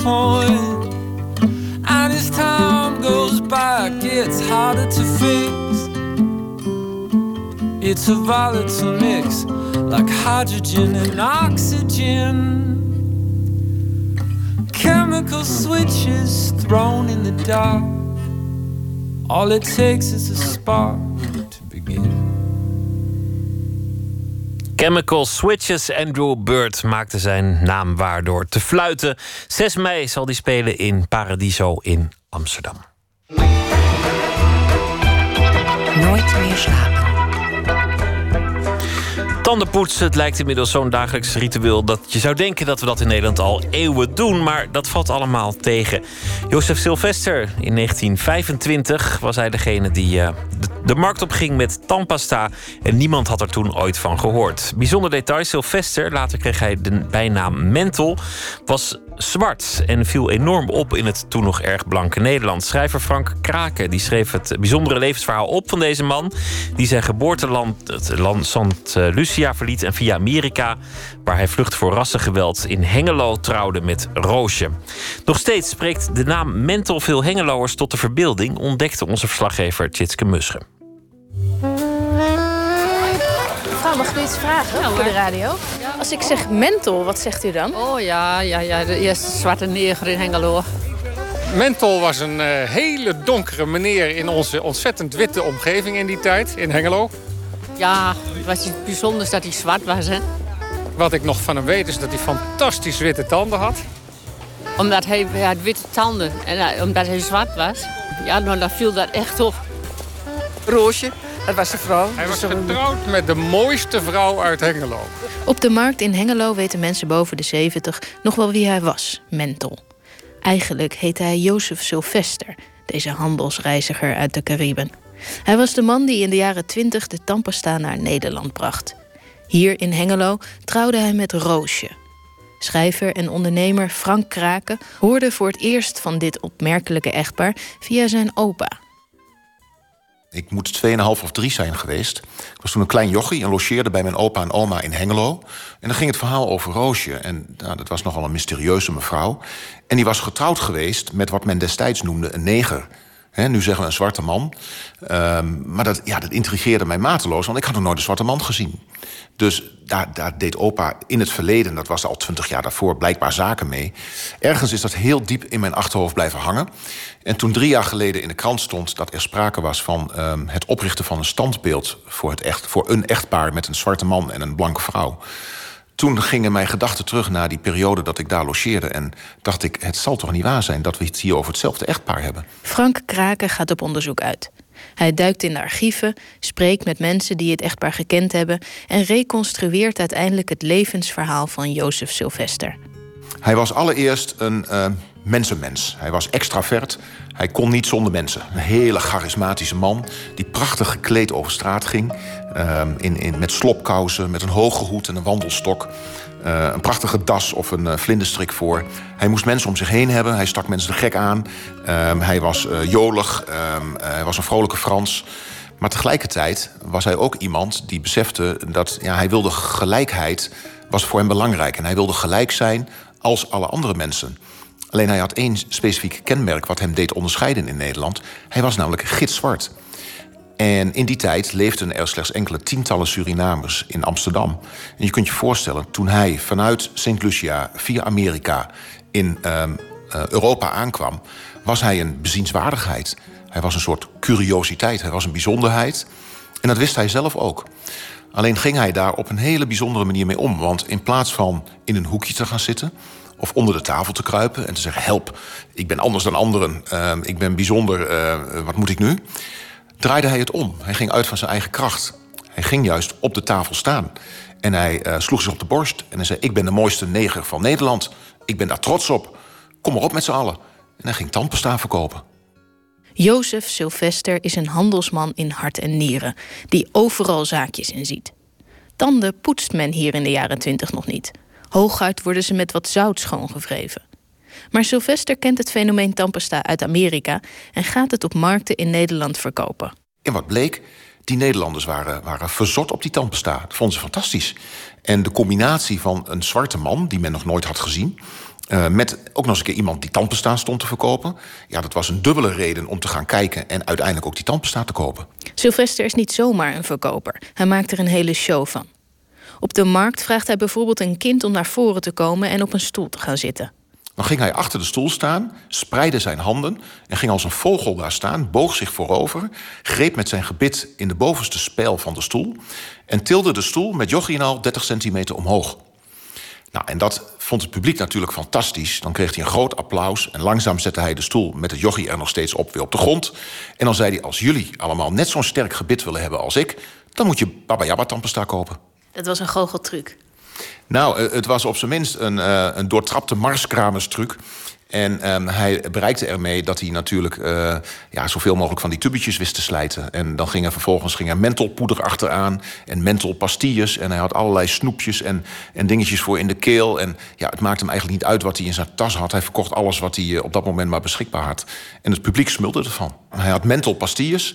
En op een gegeven moment, ja, menthol tandpasta is natuurlijk ook niet zo ver gezocht. Dus mensen die die gingen hem Mental noemen. En dat vond hij eigenlijk wel mooi, zo'n artiestennaam. En die is hij to, uh, toen over gaan nemen. Is hij zelf gaan gebruiken. En op een gegeven moment werd het zijn handelsmerk. Sylvester reist het hele land door en doet goede zaken. In Amsterdam ontmoet hij Roosje. Ze werkt als mannequin en komt oorspronkelijk uit Hengelo. En die, zij komen elkaar tegen en liefde op het eerste gezicht. En een prachtige love story um, um, ja, werd vervolgens in gang gezet... wat eigenlijk een verboden en onmogelijke liefde was... Want een blank meisje uh, uit Hengelo, een provinciestad... waar notabene nog nooit iemand van zijn hele leven een zwarte man had gezien... die wordt verliefd op zo'n zwarte man, neemt hij mee... omdat haar vader, vader overleed, moest hij terug naar Hengelo... om voor haar moeder te zorgen. Uh, Mentel ging met haar mee. Ze waren smoorverliefd en hij ging in Hengelo wonen. Nou, en ze wisten niet wat, wat, hen hier overkwam. Ze hadden nog nooit een zwarte man gezien. En die ging er ook nog eens een keer met hun mooiste meisje vandoor. Dus ja, dat, dat was koren op de molen natuurlijk voor de geruchtenmachine. En, en voor, voor alle roddel en achterklap. eh, en de wildste verhalen die de ronde gingen doen. Maar Sylvester zou Sylvester niet zijn als hij al die aandacht niet zou gebruiken voor eigen gewin. Hij kondigde groot zijn bruiloft in de krant aan. In landelijke kranten werd bekendgemaakt dat de bekende Baba Yaba mentalkoning eh, van de Tampesta dat hij in het huwelijk zou treden. Nou, eh, daar kwamen dus duizenden mensen op af. Hengeloos, maar ook van buiten Hengelo. Eh, winkels werden gesloten, mensen hingen uit de ramen. De landelijke marechaussee werd erbij gehaald om eh, het publiek in goede banen te leiden. Landelijke pers kwam erbij. En ja, dat was één groot spektakel en, eh, en een grote happening... waar oudere mensen, echt oude mensen van over de 90... nu nog over meepraten. Maar was dat ook onderdeel van de marketingcampagne? Ik bedoel, als je jezelf zo neerzet als merk, dan past het natuurlijk mooi in het plaatje, zo'n sprookjeshuwelijk. Ja, als je de. Het echtpaar heeft een heel mooi plakboek bijgehouden. En daarin eh, hebben zij ook die aankondiging van dat huwelijk staan. Nou, dat was niet ongewoon in die tijd dat je je huwelijk aankondigde. Maar de manier waarop wel. En het mooie is, vanaf het moment dat ze getrouwd zijn, hebben ze een relatie met eh, de bevolking onderhouden, mede via de krant. Want ze plaatsen advertenties. En in een van die advertenties, na het huwelijk, bedankt Mental het Hengeloze publiek en de politieautoriteiten. En sluit hij ook af met de beroemde Mental Tandpasta Koning. Dus hij gebruikte die advertenties meteen om zichzelf neer te zetten. Dus het was een soort van eh, ja, ehm, eh, marketing van zichzelf. En eh, vanaf dat moment ja, moest Hengelo er maar aan wennen dat hij regelmatig in de krant stond. En zijn gevoelens, zijn mening, dat wat hij bekend wilde hebben, da- daar adverteerde hij mee. Hengelo raakt gewend aan het bijzondere echtpaar. Al blijven sommige mensen hem wantrouwen, veel mensen laten zich graag door Mental inpalmen. Maar na de Tweede Wereldoorlog groeit het wantrouwen. Na een korte periode gevangen te zijn genomen door de Duitsers, keert Sylvester terug naar Hengelo. Omdat Tampesta importeren uit de VS te duur geworden is, handelt hij nu in konijnenvellen en metaal. Misschien komt het doordat hij zijn zaak weer snel op de rails krijgt, in tegenstelling tot veel Hengeloers. Misschien is het ook iets anders. Maar er doen steeds meer verhalen over hem de ronde. Hij zou te veel drinken en vreemd gaan. Sylvester ontvangt vreemde briefjes. Den heer Sylvester, wanneer er één gek is in Hengelo, dan ben jij het wel. Een behoorlijk opgevoede Nederlander doet zulke idiotigheid niet. En ze hebben groot gelijk als ze in Amerika dat soort negers ophangt. Want ze hebben nog vergeten jou op te hangen. Wie je ook vraagt, voor de grootste idioot word je versleten. In de hoop dat je gauw moogt stikken. Een van je vriendinnen. Nou, je zult het in de bus krijgen. Dat is natuurlijk verschrikkelijk. En ehm, daar was Roosje niet blij mee, daar was hij niet blij mee. De soep werd niet zo heet gegeten natuurlijk. Maar het unieke was dat hij reageerde door te gaan adverteren in kranten op allerlei manieren. En dan zegt hij: Het wilde bloed kookt nog. De man die iedereen in de ogen durft te kijken en tegelijkertijd de eer van zijn vrouw en zijn reputatie hoog houdt, betaalt de hoogste prijzen voor alle soorten vellen. Volgens kwaliteit. Dank voor uw gunst, volbloedneger Sylvester. Nou, er zitten een aantal elementen in zo'n advertentie. Ten eerste zie je dat hij het opneemt voor de reputatie van zijn vrouw. En hij voelt zichzelf in zijn eer aangetast omdat er kwaad wordt gesproken over zijn vrouw. Maar tegelijkertijd is hij koopman genoeg om er even in te zetten dat hij de hoogste prijzen betaalt voor alle soorten vellen. Dus het is ook tegelijkertijd een verkapte advertentie van kom bij mij als je konijnenvellen of andere vellen hebt in te leveren. Jozef Sylvester sterft in 1955. Zijn vrouw Roosje zet de metaalhandel voort en sterft in 1976. Het was dus in die periode dat Frank Kraken voor het eerst van dit verhaal hoorde. Hij denkt dat dit verhaal van Mentel belangrijk is om juist nu te vertellen. In de huidige tijd spelen er natuurlijk allerlei thema's. Hè. In de huidige maatschappij is de zwart-wit discussie uh, een, een, een heikel thema. Als je kijkt naar. Kijk, de wereld is steeds kleiner geworden. Dus wat er in Amerika gebeurt, zien wij allemaal op tv. Als daar blanke politiemannen een zwarte arrestant doodschieten. Uh, alleen omdat hij uh, niet snel genoeg op de grond gaat liggen, bijvoorbeeld. Uh, dan wordt er in Amerika meteen natuurlijk heel groot uitgepakt. En in het klein zien we dat ook in Nederland terug. Als je een huidskleur hebt die niet blank is, dan ben je anders dan zeg maar de gemiddelde Nederlander. En dan word je daar al snel op aangekeken. Dat is voor de een positief, je kunt het positief uitnutten, maar een ander ervaart het als negatief. Nou, ik denk dat Mental een heel mooi voorbeeld is van hoe je daar ook mee om kunt gaan. Hij is iemand geweest die nooit in een slachtofferrol heeft willen kruipen. Hij is altijd uitgegaan van zijn eigen kracht. En ik denk dat er genoeg mensen te vinden zijn in Nederland die ook het lastig hebben omdat ze er anders uitzien dan anders. En of dat nu huidskleur is, of dat uh, uh, politieke voorkeur, uh, seksuele geaardheid of religie is. Als je niet helemaal aan de standaard voldoet, word je er al snel op aangekeken en heb je al snel de neiging in je schulp te kruipen. Terwijl dit een mooi voorbeeld is van hoe je ja, ook het bijzonder zijn kunt benutten en daar sterker uit kunt worden en je kracht uit kunt halen.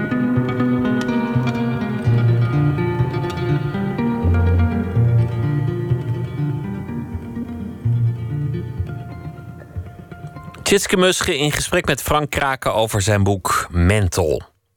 Jan Rot kreeg gisteren de prijs voor het beste theaterlied van het afgelopen jaar, de Annie M.G. Schmid-prijs.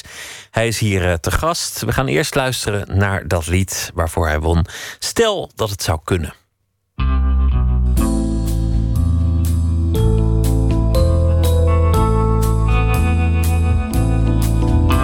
Stel dat het zou kunnen. Met wie wil je dineren? Wordt het Jezus, Albert Einstein of Martin Luther King? Wordt het Bach of Mahler, de jonge Pavarotti? Of nee, natuurlijk Elvis, dat hij even voor je zingt. Stel dat het zou kunnen, jij kan iets voorkomen. Wordt het 9-11, Hiroshima, Rotterdam? Of red je Buddy Holly? Of red je de Titanic? Of zegt Adam en Eva wat er van die appel kwam? Nee,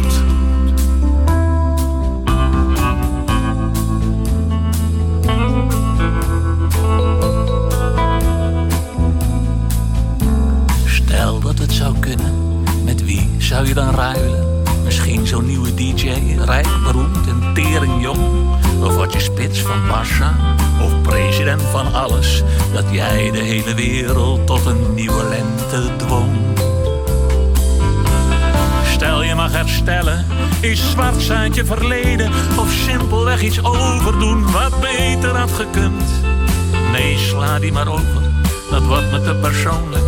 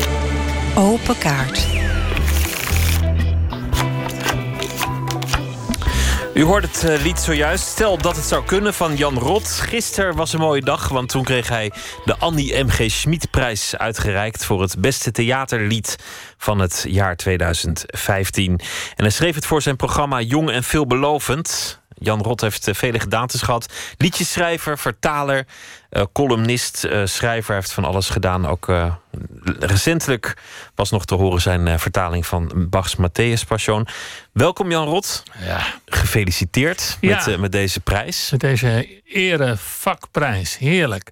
is toch mooi? Ja, dat is eh, zo'n mooi moment dat je, dat je door een, een vakjury die beslist... jij hebt het mooiste theaterlied van 2015 geschreven. Dat, en, en dan kun je de rest van je leven kun je denken van... nou, ik, ik, ik kan liedjes schrijven. Dat hebben ze, ik heb nu een diploma gekregen. Het is, ook, het is ook een mooi mijmerend lied. Het is niet een, een, een fel protestlied zoals je soms hebt in het theater... of, of, een, of een grappig lied per definitie. Het is, het is melancholiek. Ja. En, en een moment dat iedereen wel herkent. Dat je even afvraagt, goh, als het nou even zou kunnen. Ja, Terug dat, naar- eh, dat is het leuke aan een liedje wat zo, zo persoonlijk is en zo universeel tegelijk. Dat is eh, heel fijn als dat, als dat op uitkomt. Ik, ik had die tekst al wel een tijdje, maar ik denk van, is het wat of is het niet wat? Maar vanaf het eerste moment dat andere mensen het hoorden, dat je meteen voelde, oh, er is iets eh, aan de hand met dit liedje. En dit, dit, dit raakt mensen, ja. Mensen herkennen dat. Wat was de gemoedstoestand waarin je verkeerde toen je het zelf schreef? Is, is dat iets wat, wat je vaker overkomt? Dat je, dat je terugkijkt en denkt: Het, God, die eh, ben ik eigenlijk kwijt. En, Het, aardige is eigenlijk dat het liedje is geschreven zoals het klinkt. Ik begon eerst een beetje een flauw spelletje van met, met, met wie zou je willen eten dan? Het is zo- zo'n quizvraagje. Ja, ja. Met- volgens mij was het een journalist die vroeg... eh, wie zit, er- Jan, wie zit aan jouw laatste avondmaal? En toen zei ik, eh, oh, ik hou niet zo van dat soort vragen. Dus sla maar over. Maar dat ik later dacht, eigenlijk is, er zit er wel misschien wel een liedje. Met, stel dat het zou kunnen, met wie wil je dineren? Eh wordt het Jezus, Albert Einstein of Martin Luther King? En ik eigenlijk denk, dit gaat een grappig lied worden. terwijl het schrijft. En dan denk je, ja, maar als ik echt mocht kiezen, wie dan? Ja, muzikanten toch? Eh, Bach of ik, ja, en, wat moet je dan vragen? Eh, Meneer Mahler, dit is mijn vertaling, vindt u mooi? nee, Bach of Mahler of eh, iets anders dan. De jonge Pavarotti. En toen moest ik vreselijk lachen, vond ik zo grappig. De jonge Pavarotti in een liedje. Dus het, het, het vond, ik, het- ik had al het idee, dat gaat een leuk lied worden. En dan daarna denk je, oh nee, natuurlijk Elvis. Dat hij even voor je zingt. En dat is dan echt ineens. Ja, dat, stel dat dat zou kunnen. Gewoon Elvis eh, zo. De jonge dichtbij- Elvis die zingt, Nee, dat ja. maakt niet uit. De oude Elvis ook. Ik vind, Ja, vind ik ook mooi trouwens, is ja. heel mooi. Gewoon een hele sympathieke grote broer eh, van ons allemaal. En eh, ik denk, oké, nou, dit weet ik. En dan andere kant op met een liedje. st- Stel dat je iets mocht voorkomen.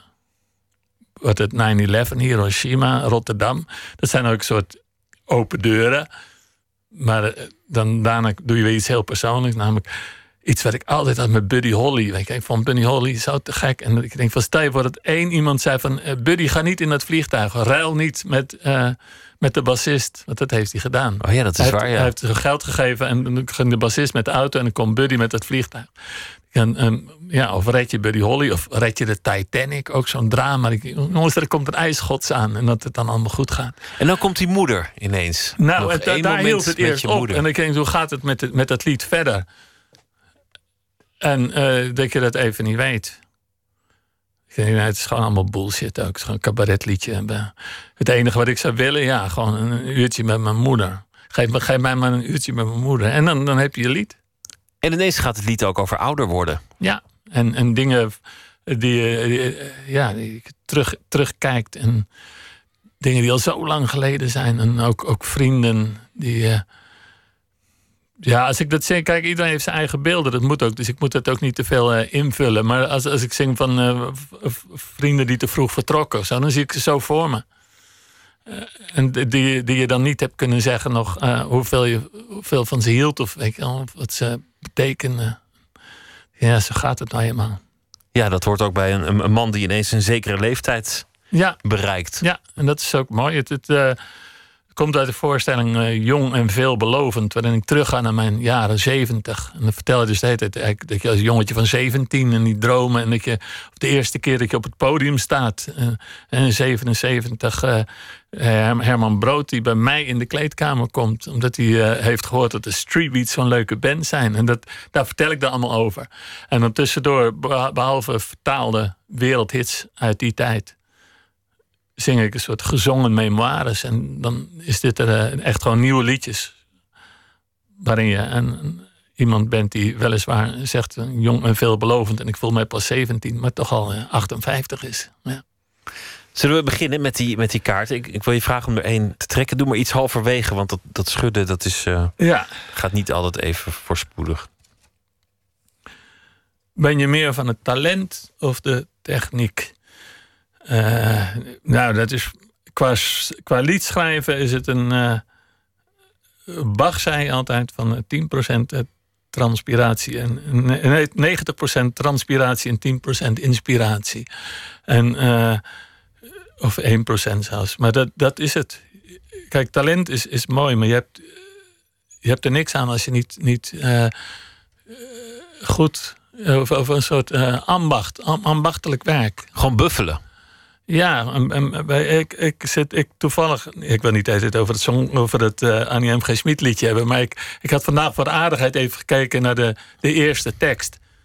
En daar zitten dan een soort zinnen in die net slechter zijn dan, dan wat het nu is geworden.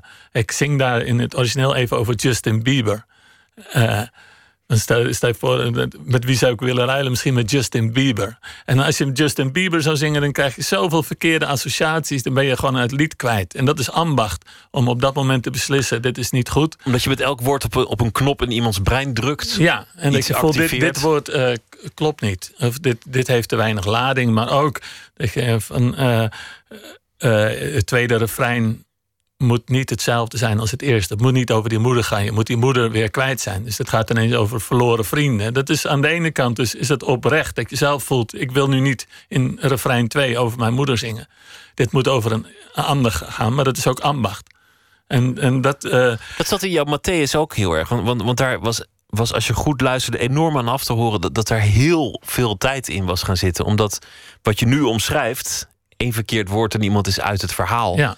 Dat speelt bij het, bij het hertalen van zo'n Matthäus natuurlijk volop. En, en ook dat je toch ook weer eh, uitkijkt dat je niet eh, bepaalde eerste impulsen die je hebt verzonnen, dat je die dan eh, later wegveilt. Of de schoonheid daarvan. Dan moet, in de, uit de Matthäus bijvoorbeeld.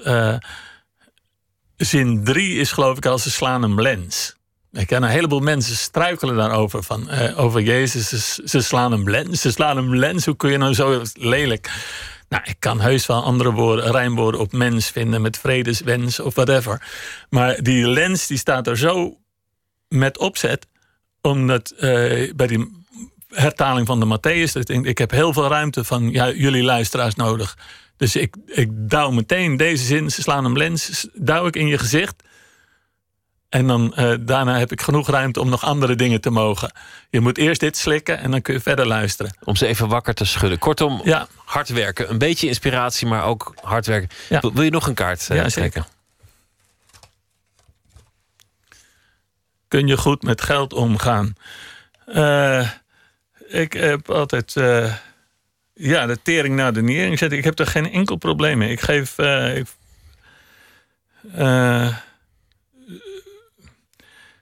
zoveel als er is. En daar, daar kun je naar kijken. En als er meer is, eh, dan kun je ook meer doen. Eh, En als er ik- minder ik, is, dan ik, doe je sta ik nooit rood of zo. En eh, ik geef ook niet echt om geld. En het is heel fijn als je, als je genoeg hebt om, om van te leven. Dat is, en meer heb je ook niet nodig. En, het is zelfs met. Als je bijvoorbeeld heel, heel druk gaat maken en allerlei opdrachten krijgt. Ik denk van ja, je werkt gewoon voor de belasting. Dat is allemaal onzin. Ik heb, ik heb een eh, stichting in het leven geroepen. Stichting Okapi. Eh, Stichting Jan Rot. En ter bevordering van het Nederlandse lied. En vooral door eh, vertalingen en liedjes schrijven van de, de oprichter zelf. Zoiets is en dan, eh, als ik, ik heb laatst, uh, ik ben dol op de Comedian Harmonists. En, dan uh, trek ik zo een maand uit om, om daar de beste liedjes van te vertalen. En die, die heb ik dan gestuurd naar Frommerman. En dan moet het maar allemaal kijken of dat iets wordt of niet. Het is niemand die dat betaalt, niemand die de opdracht geeft. Maar ik, ik betaal mijzelf dan die maand salaris uit. En dat heb ik dan verdiend met andere dingen of zo. En het, het zo, zo, het, het, het geld, geld, speelt geen, geen rol. Kunst gaat voor de baat uit. En als we niks meer hadden, dan werden we ook nog gelukkig. Zullen we nog een uh, vraag ja. doen? Welk werk is nog niet af? Uh, ja, mijn, mijn vier uh, grootste meesterwerken. dat zijn mijn kinderen. En wat dat allemaal gaat worden, dat, die zijn nog niet af. Maar wel dat je denkt van, uh, geweldig. Dit is, uh, mijn gezin is af. Ik, ik, ik, wil nooit meer een andere, uh, ik wil nooit meer met iemand anders in, in bed liggen dan met mijn eigen vrouw. Ik wil ook niet andere kinderen dan die vier die ik heb. Dus dat mijn gezin is af. mijn oeuvre is nog niet af. Maar als ik nu ineens uh, om zou vallen, dan had ik al wel heel veel mooi gedaan. Uh, maar er is niet een soort groot project dat nog, nog moet komen? Jawel. Ja, ik, ik, er zijn een paar dingen die ik heel graag gerealiseerd wil. Ik, ik heb de, de toverfluit van Mozart in een vertaling. Die is gewoon klaar. Die is nooit uitgevoerd. En uh, het...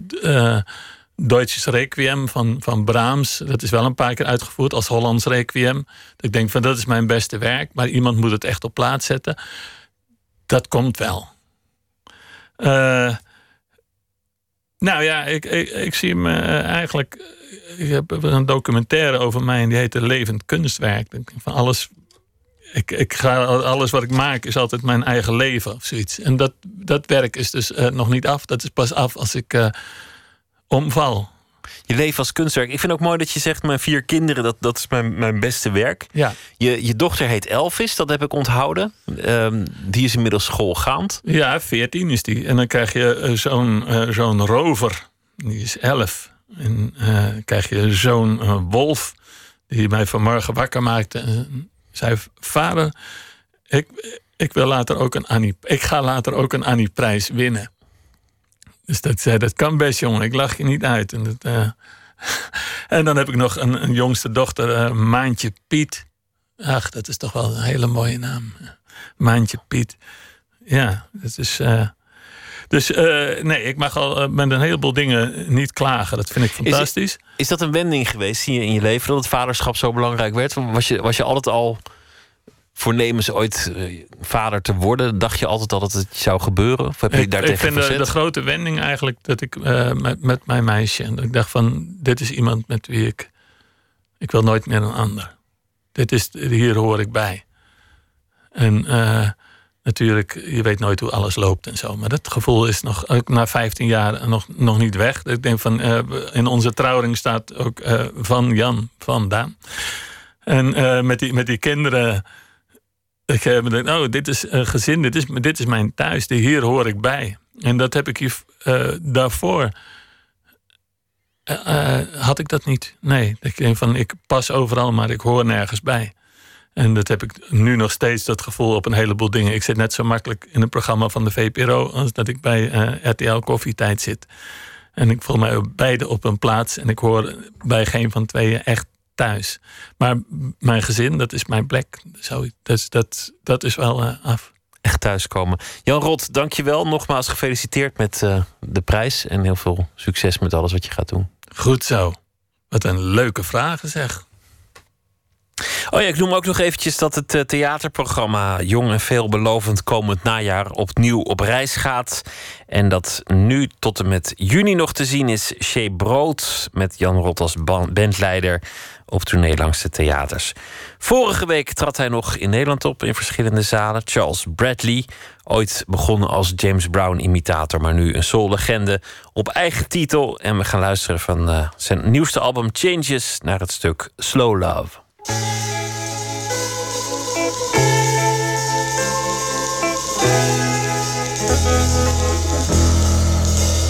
We'll go slow.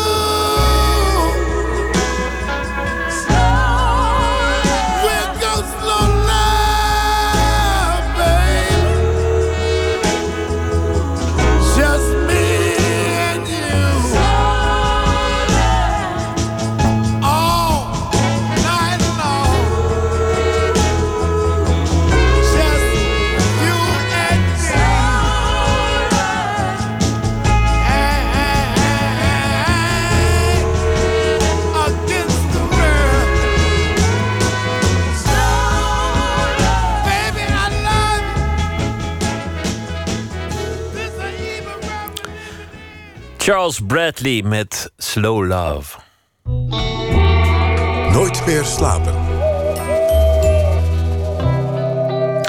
Morgen begint in Milaan de Salone Internazionale del Mobile. En dat is de grootste beurs wereldwijd voor interieurontwerp. Dit jaar voor het eerst in lange tijd ook weer een Nederlands paviljoen al daar in het centrum van Milaan. Botte Jellema is nachtcorrespondent. Botte, het is eh, lang niet meer alleen een meubelbeurs. Nee, daar begon het in 1961 wel mee. Eh, Het was bedoeld om Italiaans meubilair te promoten. En die meubels die spelen nog steeds een hoofdrol. Maar het is een week vol met evenementen en presentaties van ontwerpers en bedrijven van over de hele wereld.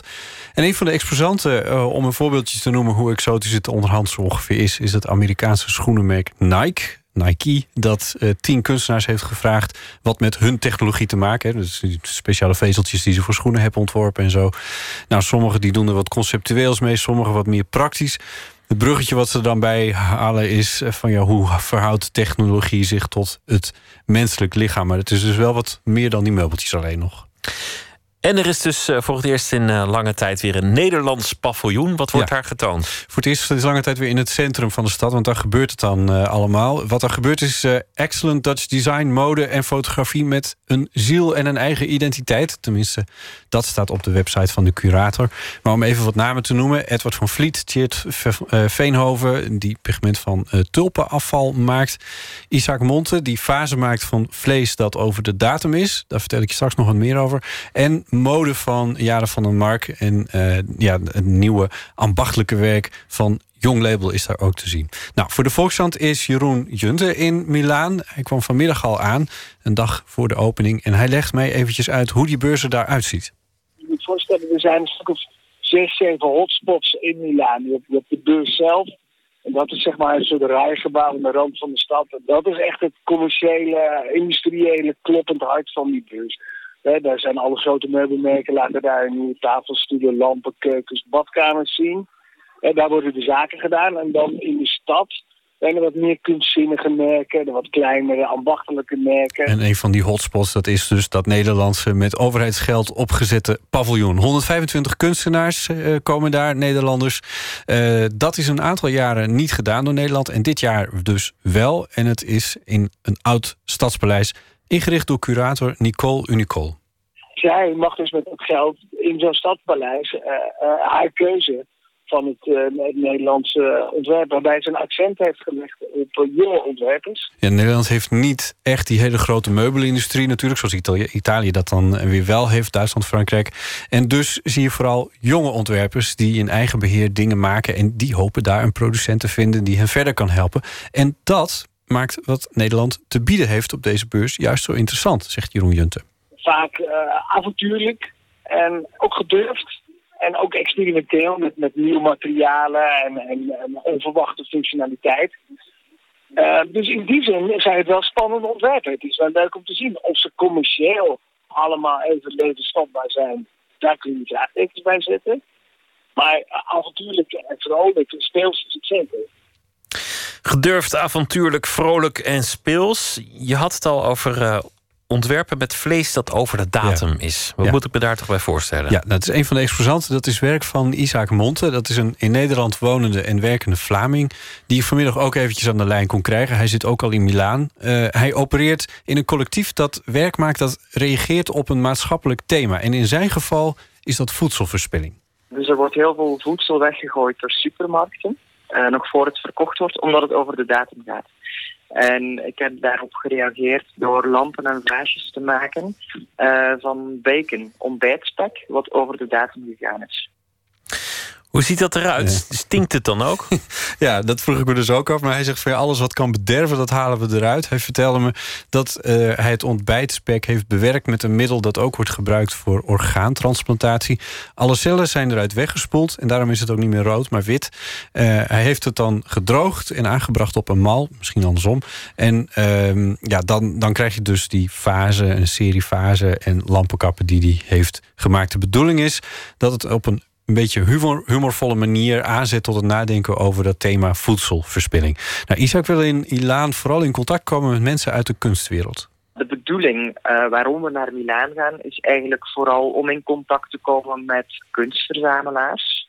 Daarnaast ook met curatoren eh, die, die exposities en musea cureren. eh, om je werk te laten zien, eigenlijk om in het komende jaar nog andere exposities te doen.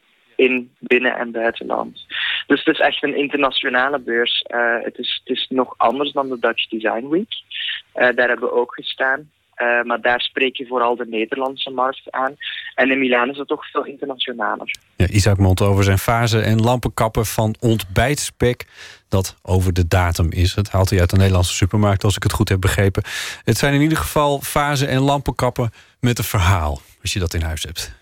En deze Milanese Designweek is, is enorm goed bezocht ieder jaar. Ja. Hoeveel, eh, hoeveel bezoekers moet je op rekenen? Vorig jaar waren er 310.000, iets meer dan drie- 310.000 mensen die daar naartoe gingen in Milaan. En dan heb je het dus maar over vijf dagen uiteindelijk. Dus dat zijn echt wel behoorlijke aantallen per keer. Maar zoals eh, eh, Jeroen Junt ook al vertelde, dat is over verschillende locaties in die stad verdeeld. Dus dat er in die stad zelf uitziet. Ik ben er nog nooit geweest, maar dat zal wel verdwijnen.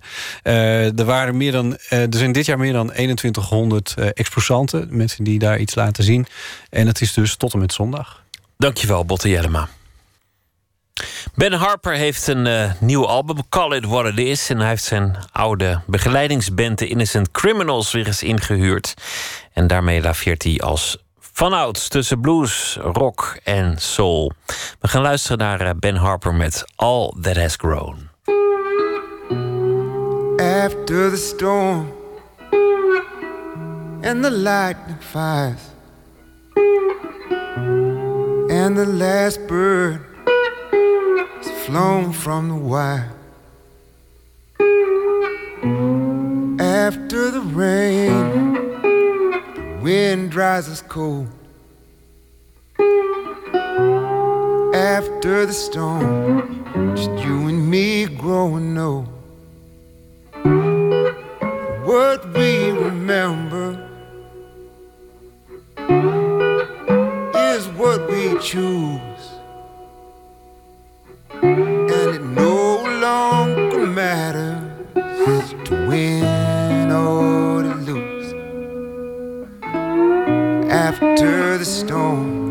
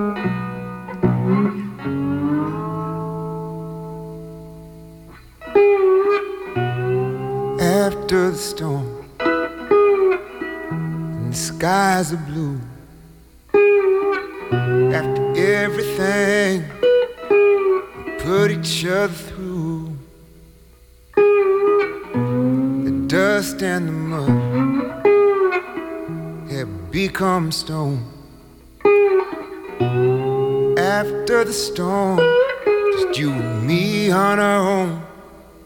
Our choices and our words, like that bird had flown. After the storm, look at all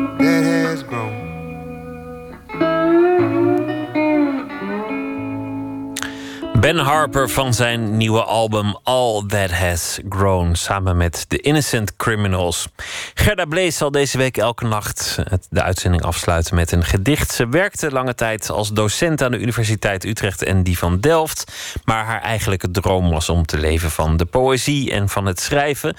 Ze heeft daarom eh, haar baan opgezegd. Afgelopen januari stond ze in de finale van het eh, NK Poetry Slam.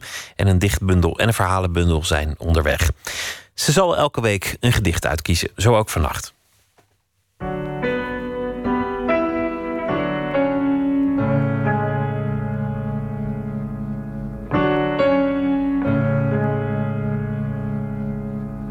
Het gedicht dat ik heb meegenomen is getiteld Later neem ik vaste vormen aan.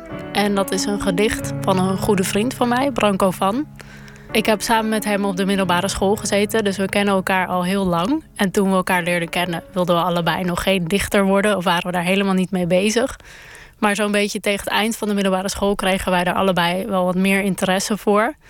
En nou ja, dat zijn we allebei blijven doen en elkaar blijven volgen. En ik vind het heel leuk eh, dat we eh, vorig jaar, dus 2015, samen in een literair tijdschrift stonden naast elkaar.